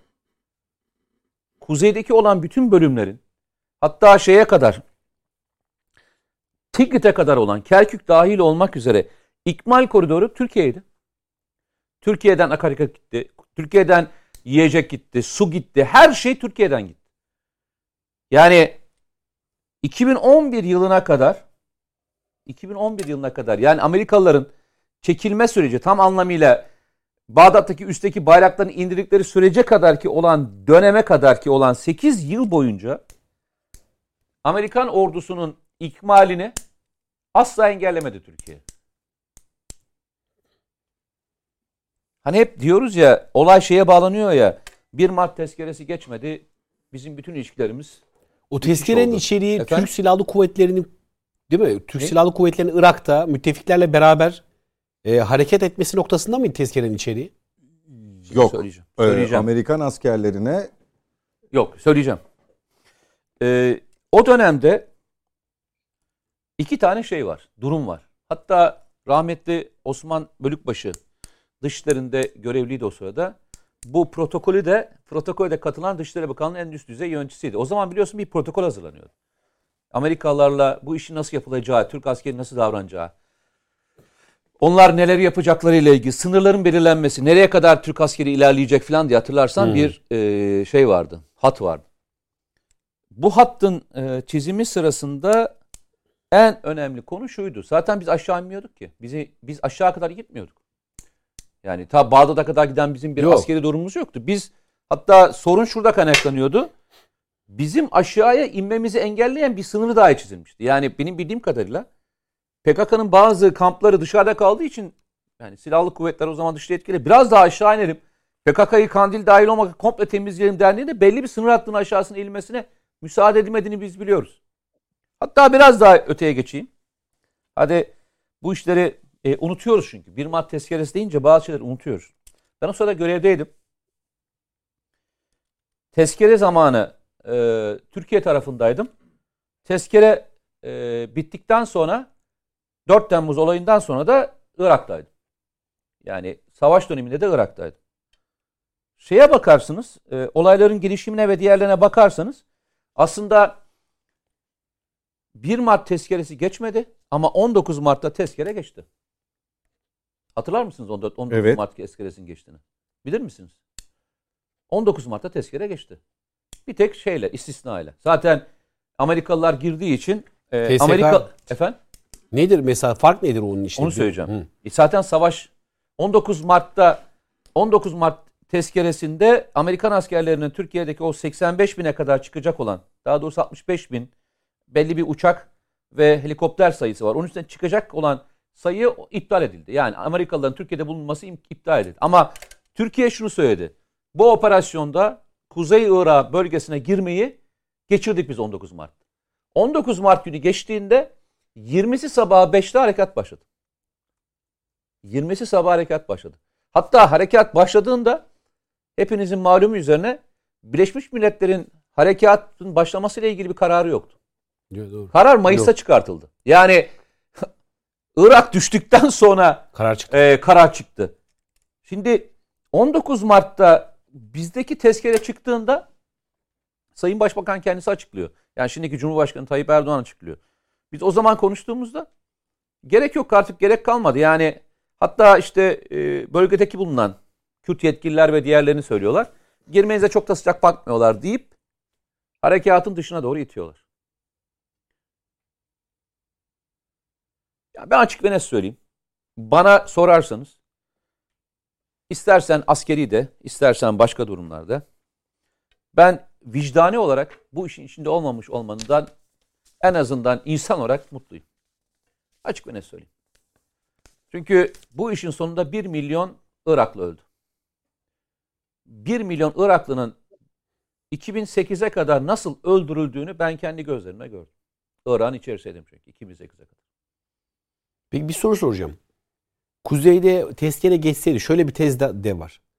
Tezkere geçseydi kuzeyde şu andaki devlet e, olmayacaktı. Türkiye kuzeye daha çok hakim olacaktı. Tezine ne diyorsunuz? Ee, Çok geçerli bir tez değil o ya. ya diyorum ya e, Teknik açıdan bilmiyorum. Anlatın. Şöyle söyleyeyim sana. Basit bir şeyle söyleyeyim.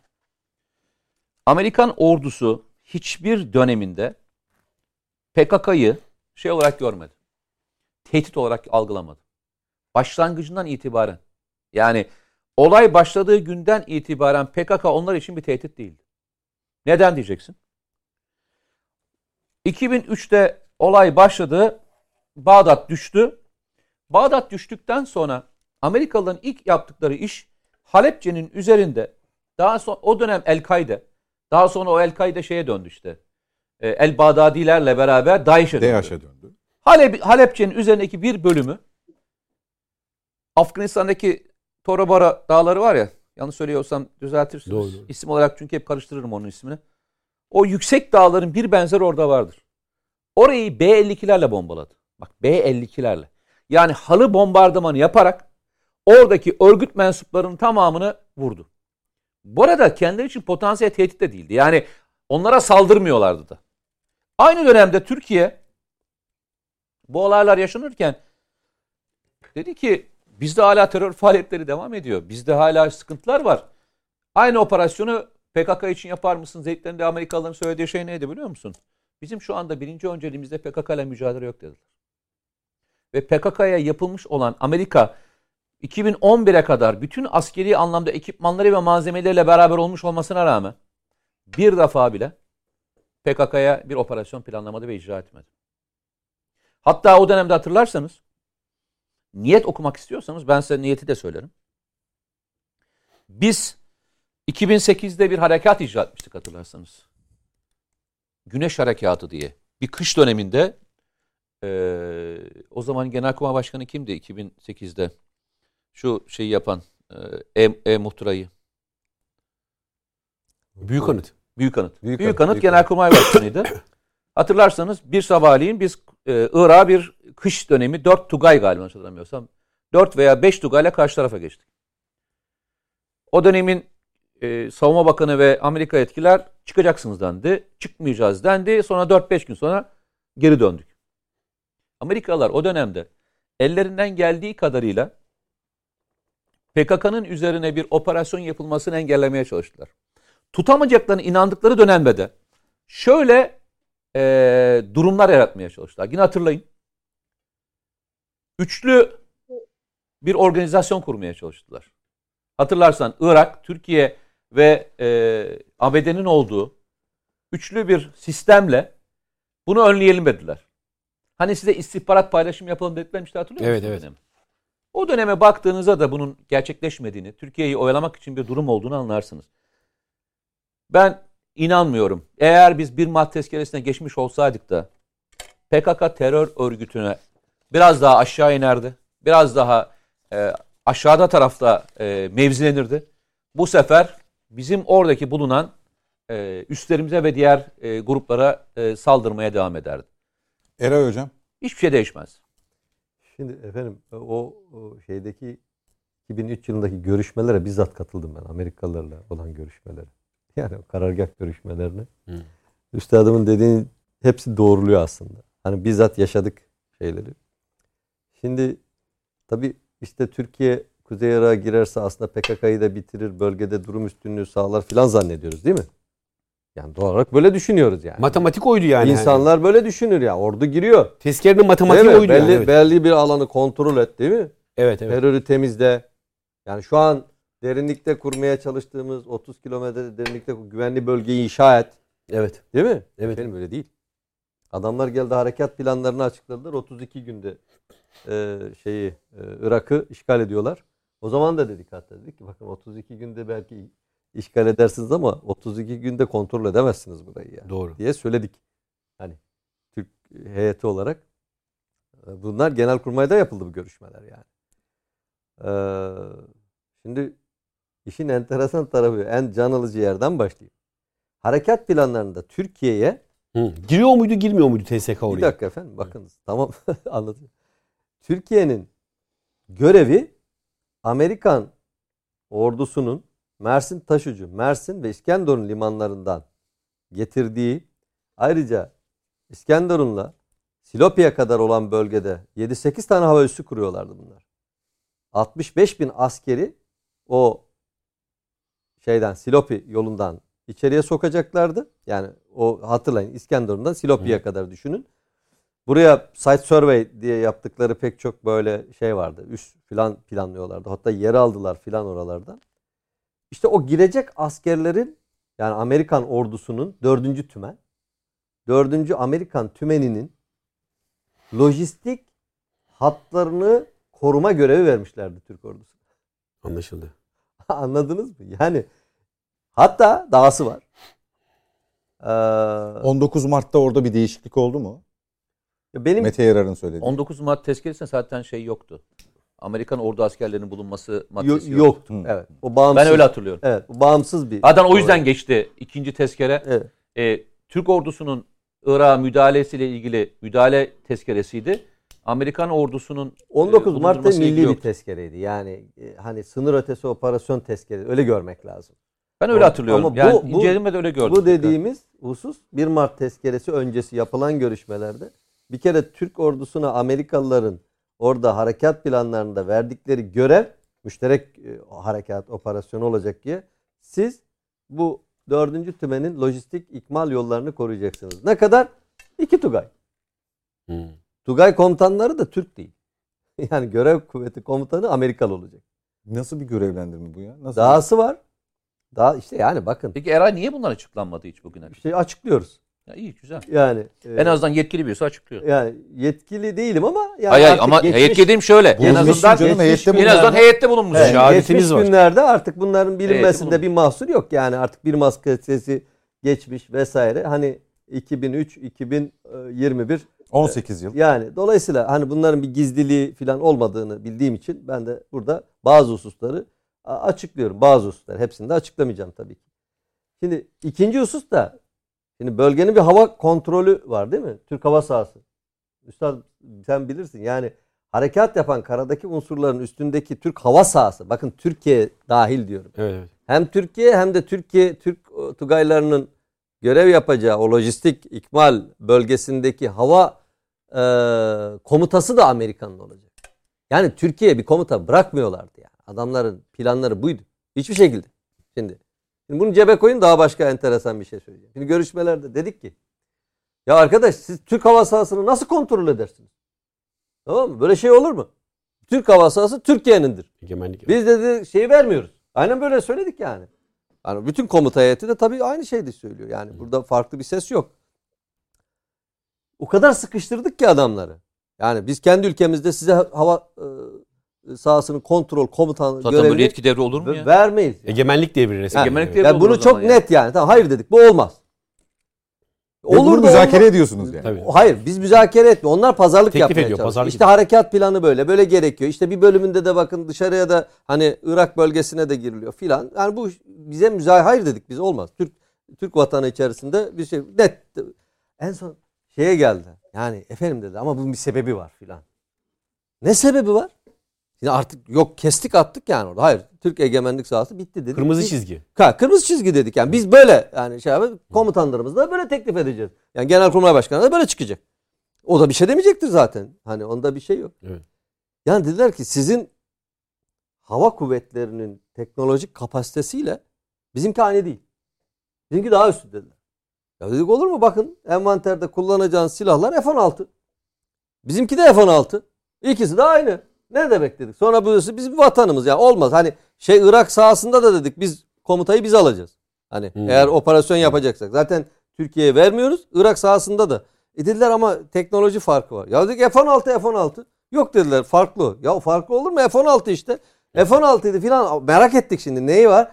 Ya dediler yazılımlar aynı değil bunlar. Hmm. Size verdiklerimizde bazı satırlar yok. Aynen söylediği adam bu. Bazı satırlar yok. Tamam mı? Yani filan. F-16 her Evet. yerde aynı F-16 değil. Değil. Ba- o yüzden bazı, başka bir şey de ba- öğrenmiş sizinkilerin olduk. bazı kabiliyetleri de yok. İşte yazılım. Ya bakar yani, mısınız yazılım. yani? Şimdi tabii Allah'a şükür onlar şimdi giderildi. Evet. Yani biz kendi milli ve yerli yazılımla sistemlerimizde çok üst seviyelere geldik. Ama yani adamlar ne kadar şey planlarını. Sonra dedik ki bakın birinci Körfez Savaşı'ndan beri Türkiye'nin ekonomik kaybı hani kapatıldı ya Evet. şey sınır 100 milyar dolar yaklaşık Dışişleri Bakanlığı Aynen öyle. hesaplamış. Aynen öyle. 100 milyar dolar.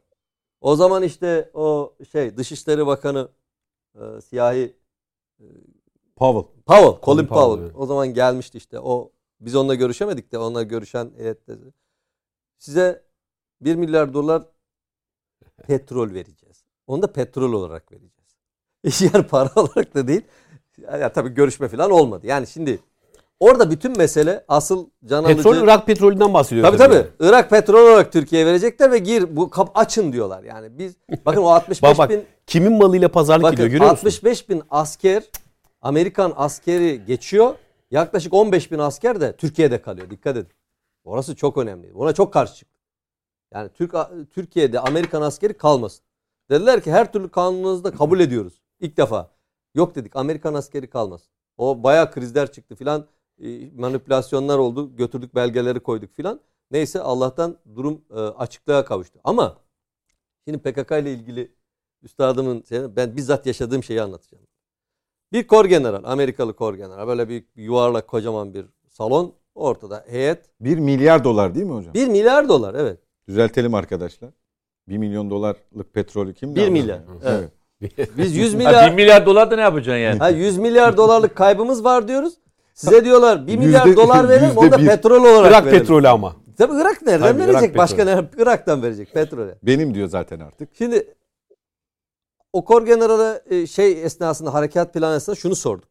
Dedik ki e, bölgede PKK var. PKK güçlerine operasyon yapmak istiyoruz. Bu harekat kapsamında. Bizim işte doğuya doğru özellikle Kandil, Sincar hattına o şey e, Hakuk'tan aşağı doğru indiniz aynen. hatta. İnip, siz o zaman Berat PKK'ya var. konsantresiniz tabii üstadım. tabii tabii yani biz, Sizin konsantrasyon bizim- Zaten bizim- bizim amacımız bizim derdimiz yani amacımız PKK. şey değil ki. He. Ee, Irak orada Irak değil işgal, yani. Biz zaten aşağı falan da gitmek istemiyoruz 32. zaten. paralele kadar şey yok. Evet. 32 36'da zaten Devlet otoritesi yok. sıkıştırıldığı için devlet otoritesi yok zaten. Toparlayalım hocam. Evet. Şimdi e, dedik ki bu PKK'ya karşı dedik harekat planlarının tadil edilmesini istiyoruz.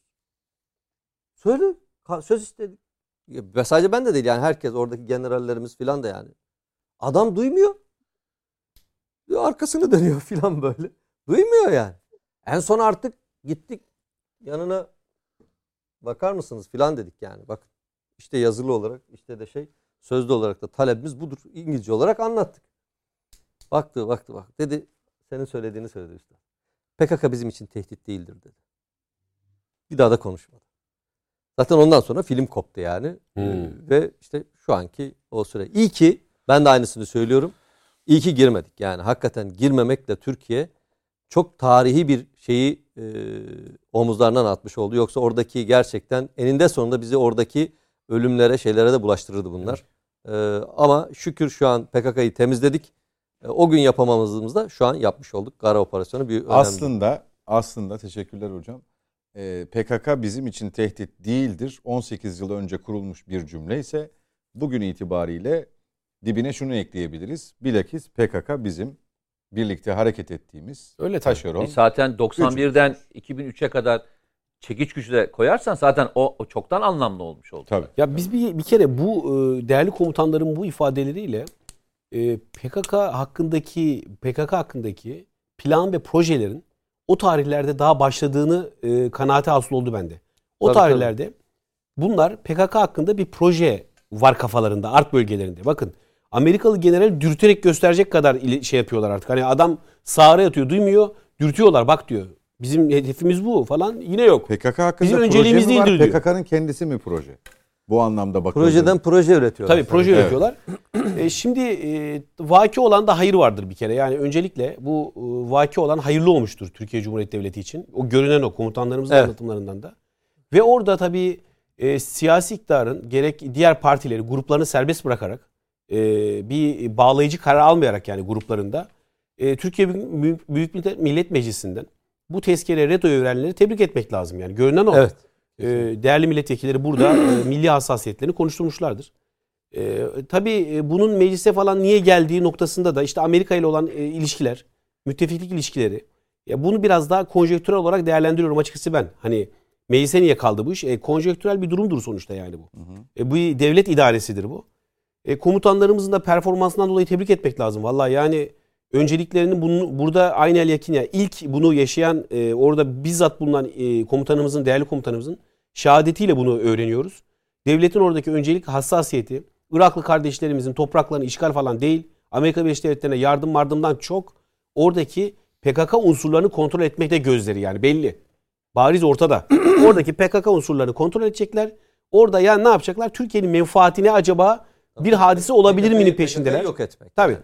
Ama gördüler ki Amerika Birleşik Devletleri bambaşka bir planların Bambaşka projeleri planlarda içinde ellerin tersiyle etmişler yani. Vaki olan da hayır vardır. Peki. Güzel olmuş. Peki.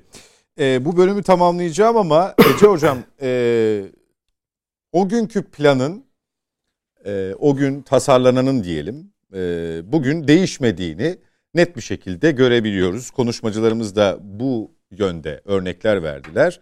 Eray Hocam hatta bizzat şahit olduğu kısımları paylaştı bizimle. Şimdi Afganistan'dan sonra Irak'a yöneliş, ardından Suriye, e, aynı sürekliliğin bir parçası, bir projesi olarak karşımızda duruyor. E, nitekim bugün Suriye'de e, Fırat'ın doğusunda PYD PKK'nın kontrolündeki e, bir yapıya statü kazandırma çalışması. Hatta ve hatta belki Türkiye'nin operasyonlarından faydalanılarak bunun yapılıyor olması gerçekten çok çok çok çarpıcı. E, ama şunu söyleyebiliyoruz herhalde. Orta Doğu hedefleri istikametinde çok da bir sapma olmadı Amerika'nın. Doğru mu? Evet. Kesinlikle. Gecikmeler, ertelemeler oldu belki. Tabii. Amerika Birleşik Devletleri'nin çok uzun zamandır aslında planladığı, değerli komutanlarımız da ifade ettiler aslında çok uzun zamandır planlanan, hatta PKK hani bir proje midir? Evet projedir. Bu projeden de alternatif projeler, farklı projeler üretilmektedir. Neye göre? Değişen şartlar, güç dengeleri ve aslında doğan ihtiyaçlara göre kim bunu yapıyor? Amerika Birleşik Devletleri başta olmak üzere. Tabii ki bunu arka plandan destekleyen bir İsrail olabilir, olabilir, zaman zaman Fransa olabilir. Burada önemli olan şey şu ya da Yunanistan olabilir. Burada önemli olan durum şu.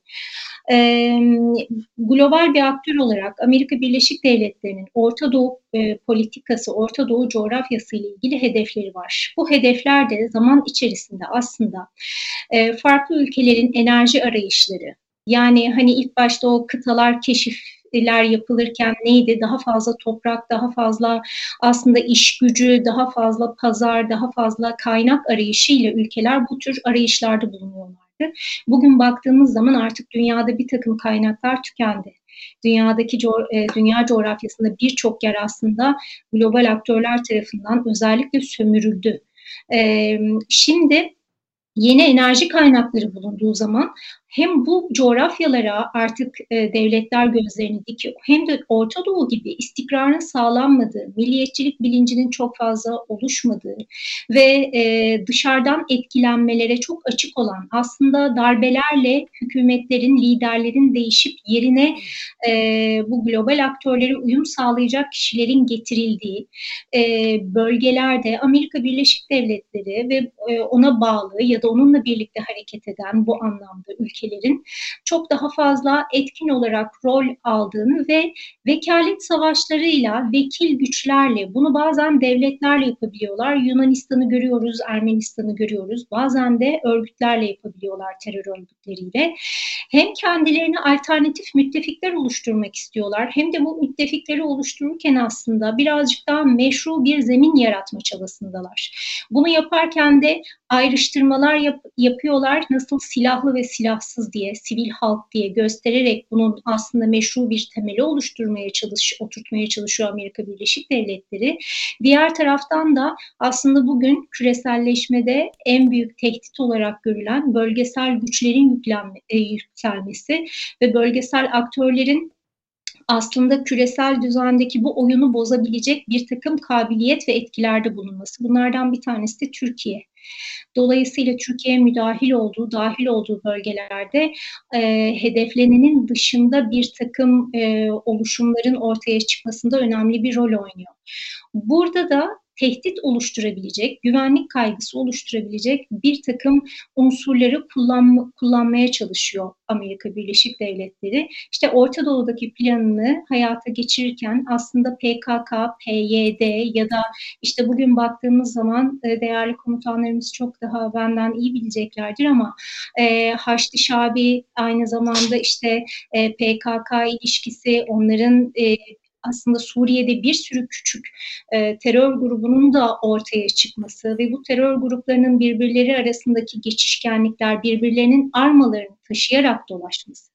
Bütün bunların hepsi aslında e, terör grubu grup yani terör grubu içerisinde yer alabileceklerin ve e, kullanılabilecek güçlerin, e, örgütlerin e, silahla, lojistikle beslenerek aslında Gara'da örneğini gördüğümüz gibi mağaralar, onların saklanabileceği yerlerin e, bu tür devletler tarafından desteklenerek e, bir tehdit olarak varlığını her şekilde, her dönemde devam ettirmesine neden olmak. Bunun da işte temelinde e, bölgesel güç olup ilişkilerini geliştirebilecek e, Türkiye gibi önemli ülkelerin stratejik anlamda da ordu anlamında da önemli olan ülkelerin e, kabiliyetlerini kısıtlamak e, yatıyor. Dolayısıyla Amerika'nın yıllar önce de gördüğümüz stratejisini yıllar sonra da görmeye e, devam edeceğiz. Ama burada önemli olan şey attığımız adımlar, yaptığımız müdahaleler hem askeri anlamda hem de diplomasi anlamında bence çok önemli bir değere sahip ve gerçekten de e, bir şeylerin e, oluşmasını zorlaştıracak da e, bir takım e, engeller önünde, önüne koyuyor Amerika Birleşik Devletleri ve onu destekleyen diğer ülkelerin diyebilirim. Peki bu bölüme eklemek istediğiniz bir şey var mı? Ben bir şey ekleyebilir miyim? Yani e, benim için çok önemlidir. E, bu coğrafyada, Orta Doğu'da yaşananlara yalnızca bir gün, bir yıl, iki yıl, beş yıl gibi bakmamak gerektiğinin Kısa vadeli. örneğini anlatayım isterseniz. 2003'te harekat başladı, bitti.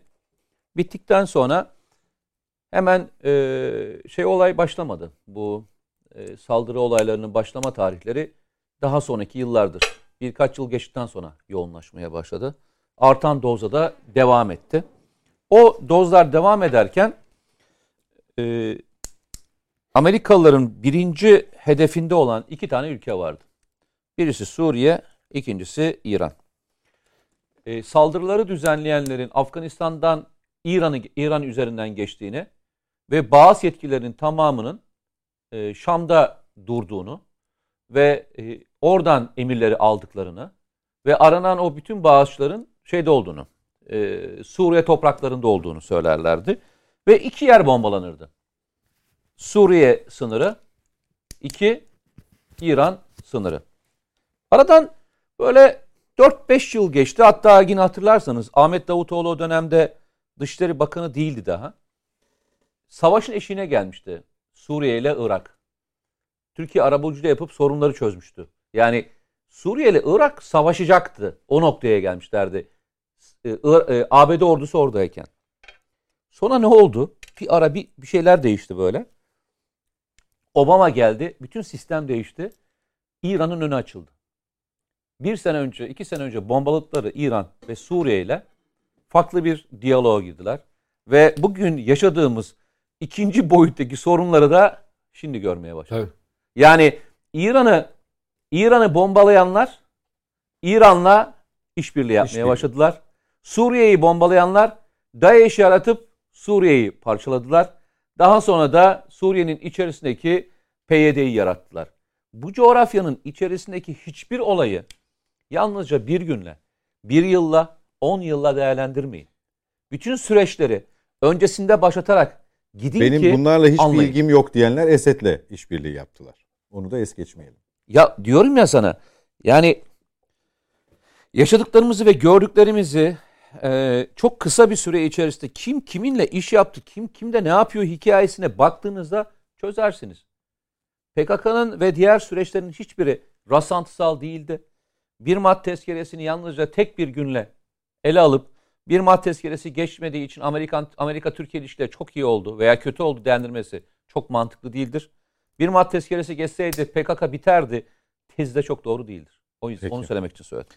Eray Hocam, e, Amerika Birleşik Devletleri konuşuyoruz. E, güncel, en güncel konu da Kaşıkçı raporu. E, bununla ilgili en güncel bilgi de Amerikan istihbaratının hazırlığı, hazırladığı rapordan 3 ismin neden çıkarıldığı, neden silindiği bilgisi. Bir yandan Amerika Birleşik Devletleri işte bizim muhatabımız Biden yönetimi Prens Selman değil, Kral Selman'dır diyor. Diğer taraftan işte Prens Selman'ın ipi çekildi dolayısıyla oradaki dengede bir değişiklik olacak deniyor. Fakat içten içe bir kayırma da devam ediyor. Bana mı öyle geliyor? doğru geliyor. Benim kanaatim doğru geliyor. Yani size gelen bana da geliyor. Öyle diyelim. Şimdi efendim yani burada tabii en önemli hani işaret o kadar gürültü koptu. Demokrasi, insan hakları, kaşıkçı, yazık oldu, şu bu filan. İşte başkan buna çok önem veriyormuş filan filan filan. E yaptırımlar listesinde Selman yok. Yani yaptırımlar listesinde Selman yok ya. Lan madem diyorsun Selman emir verdi bunu vesaire diye raporuna yazmışsın. O zaman bu sözün Rapor arkasında çıkmış hafta sonu Ar- dünya kamuoyuyla paylaşılmış. Arkası- Bugün 3 A- ismi niye siliyorsun? arkasında ha, üç isim neden siliniyor? Neden Muhammed Bin Selman'a yaptırım yok? Şimdi işte bu bakınca o zaman başka perspektiflerden bakmak gerekiyor. Yani yok silmiş mi? Şimdi Muhammed Bin Selman özel Filipinli sanırım bildiğim kadar Filipinli mürebbiyeler tarafından. Kim? Siyah. Muhammed Bin Hmm, Selman. Yetiştirilmiş diyeceğim. Bebekliğinden itibaren itaat kültürü içerisinde yetiştirilmiş, CIA tarafından yetiştirilmiş bir adam. Eleman. Eleman. Şimdi. Dolayısıyla şimdi böyle şeyleri ben taktik hareketler olarak okurum. Burada nedir? Bir, Muhammed Bin Selman'ın Trump'la bağlantısının koparılması gerekiyor. Bir ayar verilmesi gerekiyor. Bak biz varız artık. Sen artık bize biat edeceksin. Gücünü, kuvvetini sadece küreselcilerin temsilcisi Biden'la artık bundan sonra. Ha bir kendine dikkat et. Bak gerekirse biz bunu da yaparız ha filan. Bir şey. Edeplendirme. Ya evet ayar veriyorlar işte. Yani bak şey. Yani ikincisi Biden'ın bir söylemi var. Artık bundan sonra dünyada insan haklarına, demokrasiye çok önem vereceğiz filan. Hatta ben onu bekliyorum. Türkiye'ye de işte sözde e, PKK üzerinden insan hakları filan gibi gazeteciler, masteciler klasiktir yani bunlar. Yüklenme durumları bundan sonra da Türkiye için olabilir. Yani işte bakın görüyor musunuz Biden ne kadar hümanist bir insan, ne kadar insan hakları, Kaşıkçı'yı bile e, koruyor yani şimdi adam filan. Hani bir prestij yani. Dolayısıyla e, burada aslında ABD'nin şu an yaptığı yani kendi e, yetiştirdiği elemana bir ayar vermek, düzen vermek ama korumaya da devam etmek. Çünkü işte hatta şöyle sözler ortaya çıktı. İşte veliaht prenslikten azledilecek filan şu bu olacak.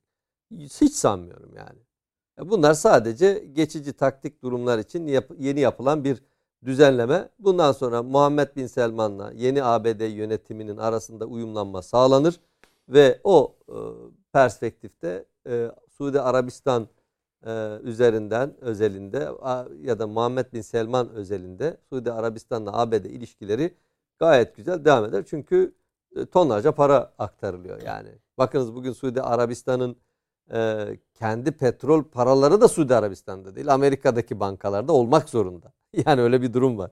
Yani e, aslında körfez ülkelerindeki çıkan o elde ettikleri petrol paralarının tamamı Amerikan bankalarında yani Tabii bütün canım. her şeyle. Dolayısıyla her şeye hakimler zaten körfez ülkelerine. Yani hakikaten Türkiye'yi hani bunları görünce yani Türkiye'nin ne kadar büyük Türk milletimizin milletimizde ne kadar kadim bir millet, ne kadar kadim bir medeniyet olduğunu bir kere daha anlıyorum yani. Dolayısıyla hocam o şeyleri ben e, sizin perspektiften yani sadece bir e, göz boyama, farklı bir ayar verme şeklinde okuyorum. Taktik e, süreçler olarak değerlendiriyorum. Mete Yarar? Valla ben e, bazen Amerikalılar Türkiye'ye ayar veriyorlar ya şimdi bugün de vermişler şimdi. Temsilciler Meclisi'nin 172 tane milletvekili e, Dışişleri Bakanı'na Türkiye'deki insan hakları ile ilgili e, bir mektup göndermiş işte, şu anda. Işte biraz önce bakın bir dakika önce söylediğimiz şey yani. Şimdi göndermişler. Evet. E, sonra o sırada şeyi sormuşlar e, Beyaz Saray'a. Niye Bin Selman'ın e, ismi yok? Hani diğerlerine yaptırım kararınız vardı. O da e, Bin Selman'a yaptırım kararımızı saklı tutuyoruz açıklaması yapmış. Saklı tutuyorlar. Ben en çok neye gülüyorum biliyor musun? Bazen Amerikalılar Türkiye'ye şöyle uzun tutukluluk halleriyle ilgili böyle nutuk atıyorlar ya. Ben niye? İnsan hakları dersi veriyorlar. Ben mesela şunu soracağım. Mesela kendi vatandaşlarınız olmadığı halde başka ülkelerden CIA mensupları tarafından kaçırılıp uçaklara konularak kendi vatandaşları olmayanları o Küba'daki bulunan Guantanamo. Guantanamo üstüne götürüp 2003'ten başlayıp süreçlerde farklı farklı süreçlerde hiç mahkeme önüne çıkartmadan yasal işkence metotlarını da yasallaştırarak kendilerine göre CIA metotlarını evet. her gün yaparak devam ettiğinizi nereye koyuyorsunuz diye bir sormak isterim. Her defasında aklıma bu geliyor biliyor musun? Tamam bizim kendimizi geliştirmemiz gereken şeyler var tabii ki. İnsan hakları değişim sürecidir. Gelişim sürecidir. Bunu söyleyen adam, söyleyenler hani e, uzun tutukluk hali diyen adamların yargılama yapmadan adam tutuyordu. Adam yani hiç yargılamadan Hatta isimlerini bile bilmiyoruz biz. Biliyor musunuz siz yani? Biliniyor mu ya dünyada? Bunlar kimdir diye biliyor Veya mu? kendi vatandaşları biliyor mu? Onlar da bilmiyorlar. Kimse bilmiyor. Kimse bilmiyor canım. Ya Irak'ta ölen 1 milyondan bas. Bir hatta o 1 e milyondan burayı... da fazla. Dolayısıyla fotoğraflar yansıdı. Fotoğraflar yansıdı. Gıklarını çıkaramadı kimse. E, geçen gün e, Amerikalı Blackwater askerlerinin öldürdüğü sivillerle ilgili yargılama süreci ceza almışların, ceza alanların Trump tarafından affedilerek affedilmesini nereye koyacaksınız? Veya e, darbe e, darbeleri desteklemiyoruz, biz demokrasi taraftarıyız deyip Sisi'ye e, hala milyarlarca dolar silah vermesini nereye koyacaksınız? Başka ülkenin topraklarını, başka ülkenin topraklarını, başka ülkeye kararnameyle dağıtmayı nereye koyacaksınız? Yüzlerce koyacağınız yer var. Yani ben diyorum ya bir tek Pres, Prens Bin Selman üzerinden Amerika'yı okumaya kalkarsak yani yine hata ederiz. Öyle bir e, foto Hayır, şey var ki Trump'la Biden yönetimi ayrımı yapmak için yok belki. hiç yapmayın. Hiç yapmayın. Ben söylüyorum. Hiç yapmayın diyorum. Politikalarında bir değişiklik yok. Ee, hep verdiğim örnek vardır. Ee, en demokrat bildiğiniz Obama, Obama döneminde Sisi gelmiştir iktidara. Obama döneminde gelmiştir. Sisi iktidara gelmiştir. O dönemin gazetecilerin, gazetecilerin iktidara geldiğinde e, neydi rahmetlinin e, öldürülen, ölen daha doğrusu cezaevinde ölen Siz şey Mısır. Mursi, Mursi. Mursi. Mursi'nin Mursi. e, geliş sürecinden sonra Amerikalı yetkililerin ve Amerika'daki gazetelerin özellikle New York Times ve Washington e, Post dahil olmak üzere yazdıkları yazıları bir okumalarını tavsiye ederim. Ve verdikleri tavsiyeler nedir? Yani darbe olduğunda Amerika ne mesajı göndermiştir şeye Sisi'ye? Diyor ya biz demokrasilerden yanayız. Biz seçilmişlerden yanayız. Özgürlük götürüyoruz. Biz özgürlük yere. götürüyoruz. Biz onu yapıyoruz, bunu yapıyoruz. Söylemleri ne bakarsanız e, büyük bir yanılgıya girersiniz. Bence asıl önemli olan şeylerden bir tanesi Türkiye kendi yolculuğunu devam etmeli. Ve Türkiye'de Türkiye'deki bir grubun Biden bize özgürlük getirecek diyenler e, Saddam'ın gidişinden sonra başına ne geldiğini göstermelerini tavsiye ederim. Yani özgürlük istediğiniz adamlar herhalde Amerikalılarsa Vay e, dünya dünya memleketlerin haline. Vay Peki. dünya memleketlerin Biraz haline. önce Ece Hoca da Neden söyledi yani orada. Bak Evet. bir şey söyleyeceğim. Türkiye seçimle iktidara gelen, seçimle giden, seçimle insanların gittiği ve geldiği, kendi içinde eksikleriyle çoğunluğuyla layık, demokrat, sosyal bir hukuk devletiyiz. Kendi içimiz hatalarımız var mı? Var tabii ki. Dünyanın her ülkesinde olduğu gibi bizim hatalarımız var. Ama eğer bir karşılaştırma yapacaksanız bana ABD'yi layık, demokrat ve sosyal bir devlet diye satmayın. Evet. Satmayın. Mücahit birinci. Evet tabii bizde e, Suudi Arabistan'a bakışı Amerika. Tamam. Şuradan başlayayım. Bizde Guantanamo gibi bir üs yok tabii. Net. Dolayısıyla uzun tutukluluk, tutukluluk hallerine itirazlarımız falan özellikle e, Amerika Birleşik Devletleri'nde her fırsatta savunduğu 2-3 isim üzerinden dikkat ederseniz tartışma konusu ediliyor. 2-3 isim var. Onlar üzerinden tartışma konusu ediliyor. Yani şöyle Amerika Birleşik Devletleri'nde e, dediği Mesela deni- balyoz ve şey süreçten hiç itaat etmediler. doğru. Bravo. Balyozda, orada, tabii, tabii. burada hiç itaat etmediler. Yok. O zaman sorun yoktu. Onda sorun yoktu. sorun yok. E, Çünkü bir tasfiye yapılıyordu. Onda sorun yoktu. Çünkü kendi unsurları yapıyordu o tasfiyeyi. Tabii, aynen Türkiye'de. Şimdi e, burada e, Amerika Birleşik Devletleri Guantanamo'da kendi vatandaşları da değil. E, adeta e, uluslararası hukuka göre rehin aldığı e, şahısları ki ne Amerika Birleşik Devletleri vatandaşları bilir bunu. Ben Amerikan başkanında çok daha çok fazla isimlerden haberdar olduğu kanaatinde değilim. Bakın o bile e, Pentagon'un CIA'nin yürüttüğü bir operasyondur o. Bunları burada ila nihaye sınırsız istediği kadar hiçbir hukuk tanımadan yargılama yapmadan tutan bir yapıdan bahsediyoruz. O yapı kalkacak diyecek ki efendim diyecek e, sizin bu MİT tırları hadisesinde o gö- görüntüleri sızdıran var ya diyecek. İşte o şahıs ha, o şahıs ya o şahısın Anayasa Mahkemesi kararına uyun diyecek yani. Veya işte Avrupa İnsan Hakları Mahkemesi şu kararlara uyun diyecek Türkiye'ye. E, bakın o ulusal güvenlik şimdi sorarsanız Amerika Birleşik Devletleri'ne devlete sorarsanız Guantanamo nedir? Devletten alacağınız cevap ulusal güvenlik hadisesidir. Dolayısıyla burada net bir beyanda bulunamayız der. E şimdi bizim MIT'in tırları ulusal güvenlik hadisesi değil miydi? MIT tırları ulusal güvenlik hadisesiydi değil mi? De- Bu ne Paris, devlet- bu ne güvenliği yani, Evet. tabii. Direkt ulusal güvenlik hadisesiydi. Bakın silahların nereye taşındığına ilişkin sürekli bir şekilde dezenformasyon yaptılar. Ya kardeşim bak bu işin alfabesi nedir biliyor musunuz? Silah nereye taşınırsa taşınsın. Devletin güvenliğiyle ilgili hadisedir o. Gizli gizli operasyondur. Sır. Sırdır. Tamam. Soramazsın. Silah nereye taşınıyor diye soramazsın. Soramazsın. Böyle bir şey soramazsın. Bunun haberini yapamazsın bunun haberini. Şimdi gelelim e, Selman'ın hadisesine. Zaten Milli İstihbarat Teşkilatı. Tamam. Milli İstihbarat Teşkilatı'nın çok büyük bir operasyonel başarısıdır. O e, ekibin, o katliamcı ekibin hava alanından nasıl girdiği görüntülerine kadar. Ondan sonra konsolosluğa nasıl girdiği. Türkiye'nin başına çorap örmek için oluşturulan bir hadiseydi o. Bu kadar kısa sürede bütün Tabii, böyle ses bir rapor kayıtları dahil Türkiye Cumhuriyeti Devleti olayı dört başı mamur ortaya çıkartmıştır. Milli Yıllar İstihbarat sonra Teşkilatı. Amerika. E şimdi de Amerikan raporu bilmem ne.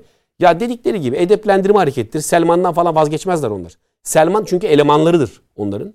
Ya bir de şunu eklemeden geçemeyeceğim. Selman şu için devlette tasfiye yaptılar adamlar. Tabii canım Yani aynen öyle aynen aynen. Şimdi bu mesele şu. E, Bir de e, daha geniş pers- pers- perspektif. Ya bu bizim Arap kardeşlerimizin e, milli varlıklarını, petrodolarlarını kendi cüzdanları gibi gören yönetimlerden ben e, vallahi Allah'a dua ediyorum. Behemal ve o kutsal toprakların bu tarz elemanlardan behemal kurtulmasını ben Allah'tan niyaz ediyorum. Peki. Amin diyelim mi? Amin. Ara vakti efendim. Ee, Ece Hocam bu bölümde size söz veremedim. Dönüşte sizinle başlayacağım. Yavaş yavaş da toparlayacağız zaten programı. Bizden ayrılmayınız efendim. Reklamların ardından buradayız.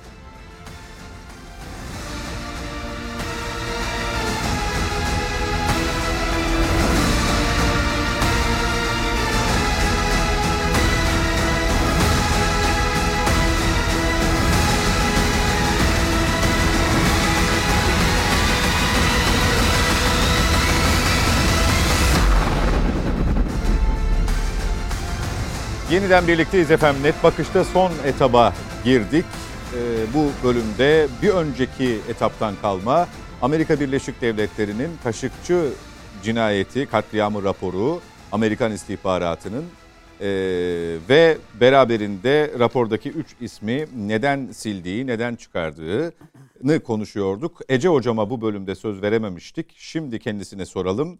Amerika Prens Selman'ın ipini çekti mi sorusu aslında benim ilk sorumdu bu konuyla ilgili. Konuklarımdan aldığım değerlendirmeler bu soruyu biraz kadük kılıyor tabii.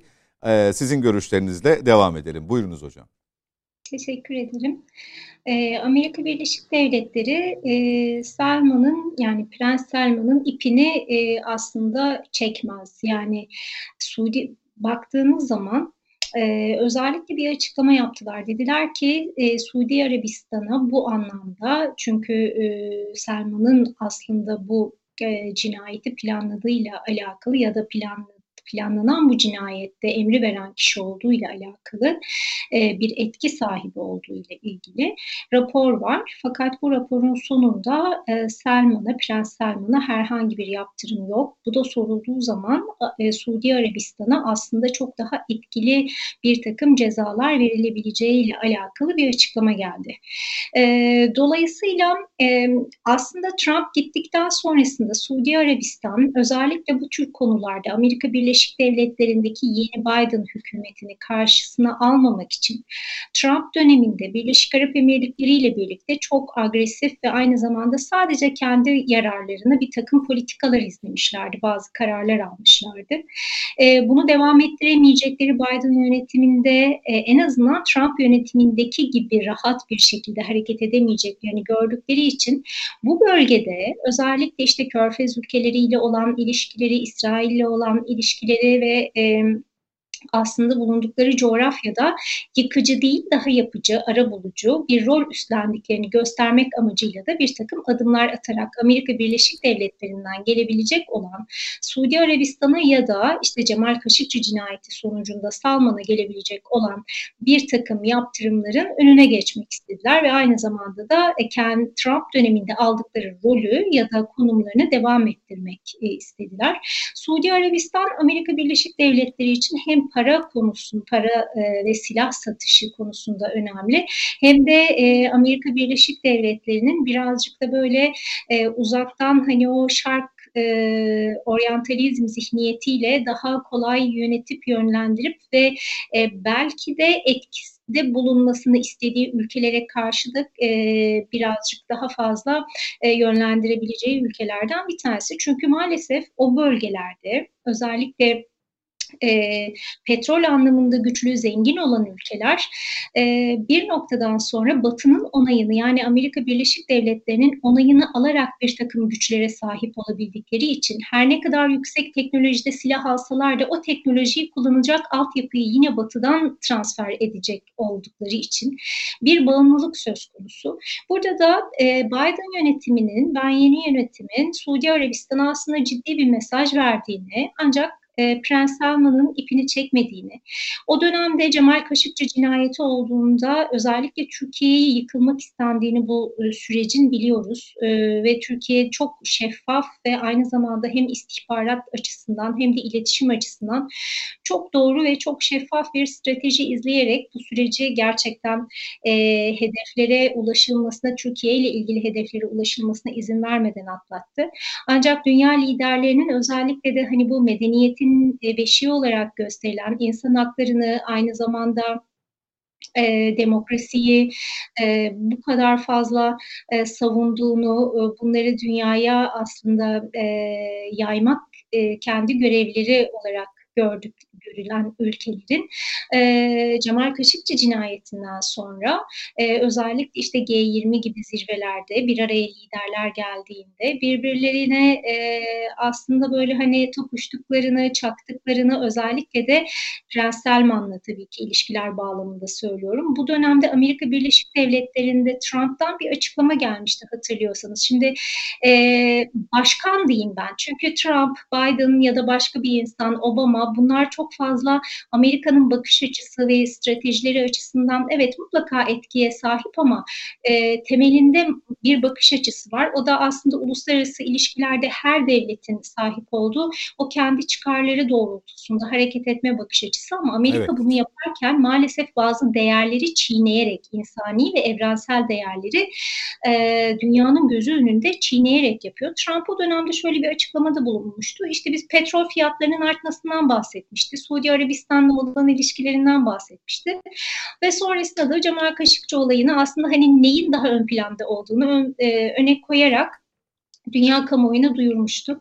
E, bugün de izlenen stratejiye baktığımızda ya da yapılan açıklamaya, işte çıkartılan isimlere baktığımız zaman aslında çok fazla çok büyük gerginlik çıkarmadan işte Suudi Arabistan'ın mesela diyelim S-400 almak ister mi? Rusya e, acaba devreye girer mi? Ya da farklı hani bir e, kaybetmeden Hı. ama sopayı da göstererek e, nasıl bir etkisinin olabileceğini de göstererek aslında Amerika Birleşik Devletleri böyle bir e, bence ciddi bir mesaj vermek istedi. Çok yazık ki bunu e, katledilen bir gazeteci üzerinden e, yapmaya çalışmaları gerçekten de utanç verici.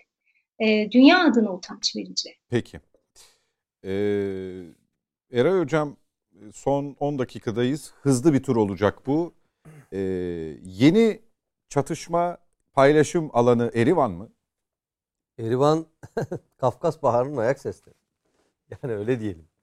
Ee, şimdi tabii Erivan'ı iki şekilde okumak lazım. Bir iç dinamikleri, iki e, Doğu'yla Batı'nın yani Rusya'yla ABD'nin e, güç mücadelesinin mihenk taşı ya da ilk basamağı olarak görmek lazım. Bakınız hemen şöyle hatırlayalım.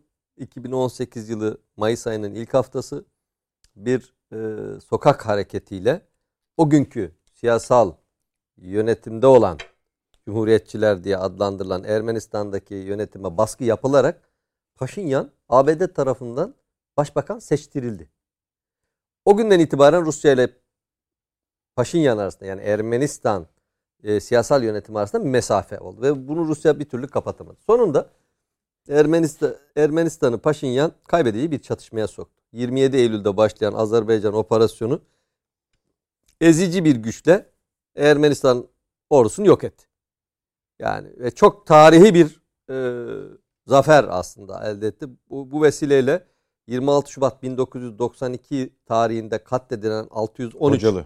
e, Türk'ü buradan e, rahmetle anıyoruz Hocalı katliamında. Yani bu sene gerçekten böyle yani herhalde aynı herkes aynı şeyi hissediyordur.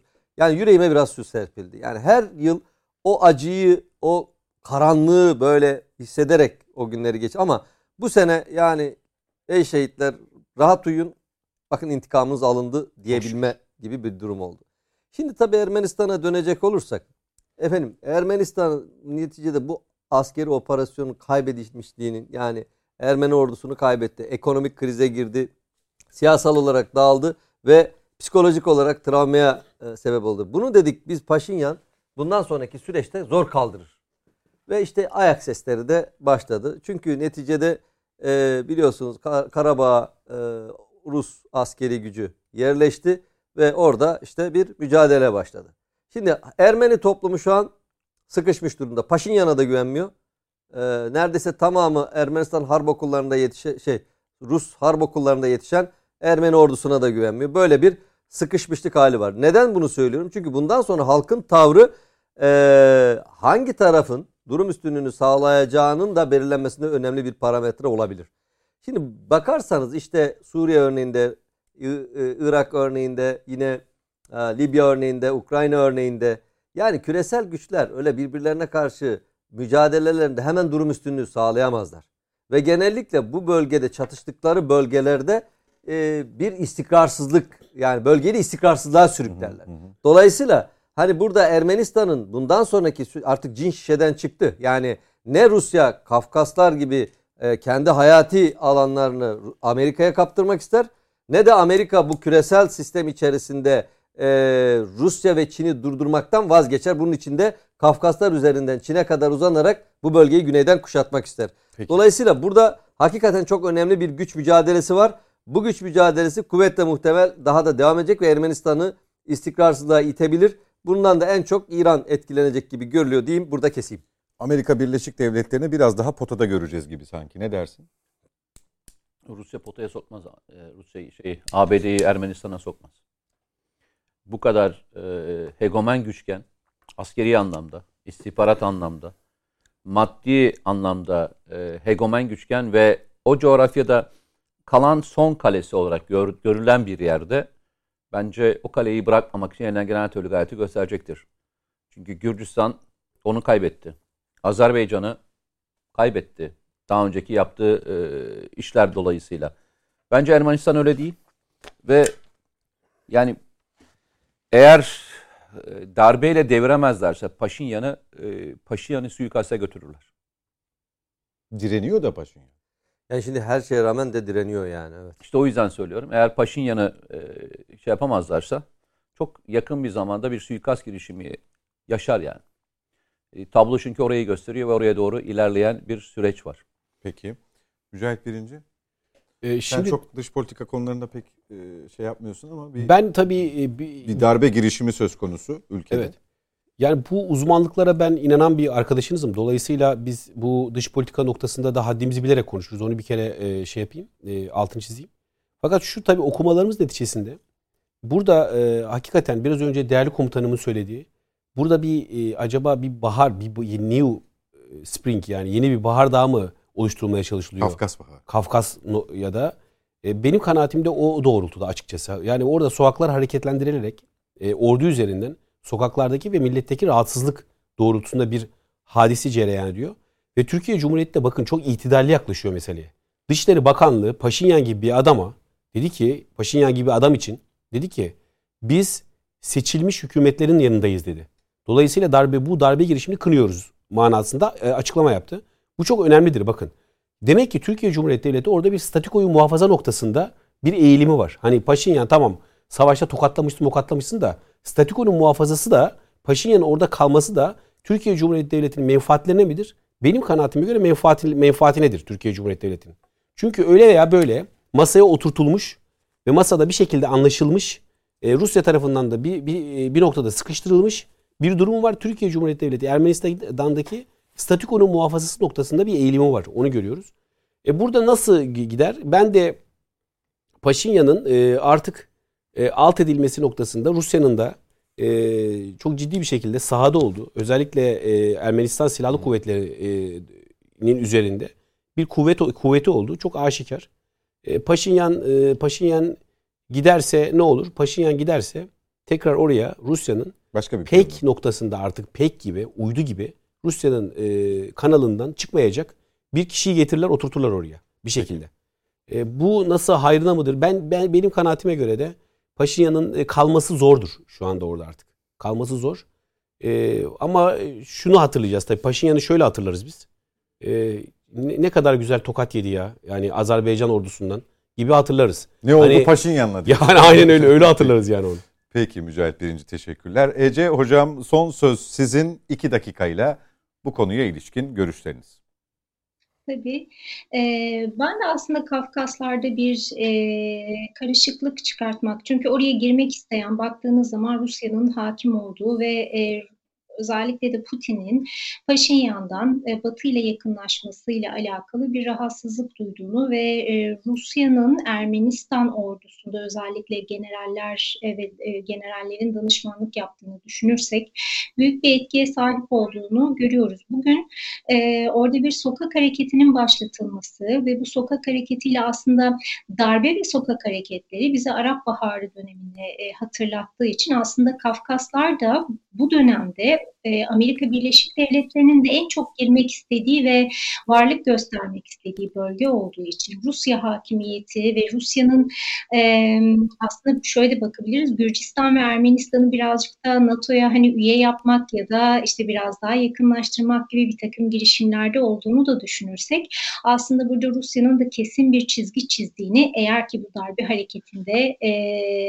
bir fiili etkin bir etkisi varsa çünkü kimse bun, buradaki sorumluluğu almak istemedi ama hani bizim öngördüğümüz ve tahmin ettiğimiz durumlar var. Dolayısıyla Paşinyan e, birazcık daha belki mücadele edebilir e, varlığını hani gitmeyerek fakat e, eninde sonunda gidecektir. Zaten bu e, öngörülüyordu Karabağ meselesinden sonra da Azerbaycan'ın e, büyük kazanımından sonra da öngörülüyordu. E, bunun umarım e, böyle bir e, e, fitili ateşlemeden o bölgede gitmesi sağlanır. Çünkü e, ben Mete Bey'in dediğine de çok e, katılıyorum.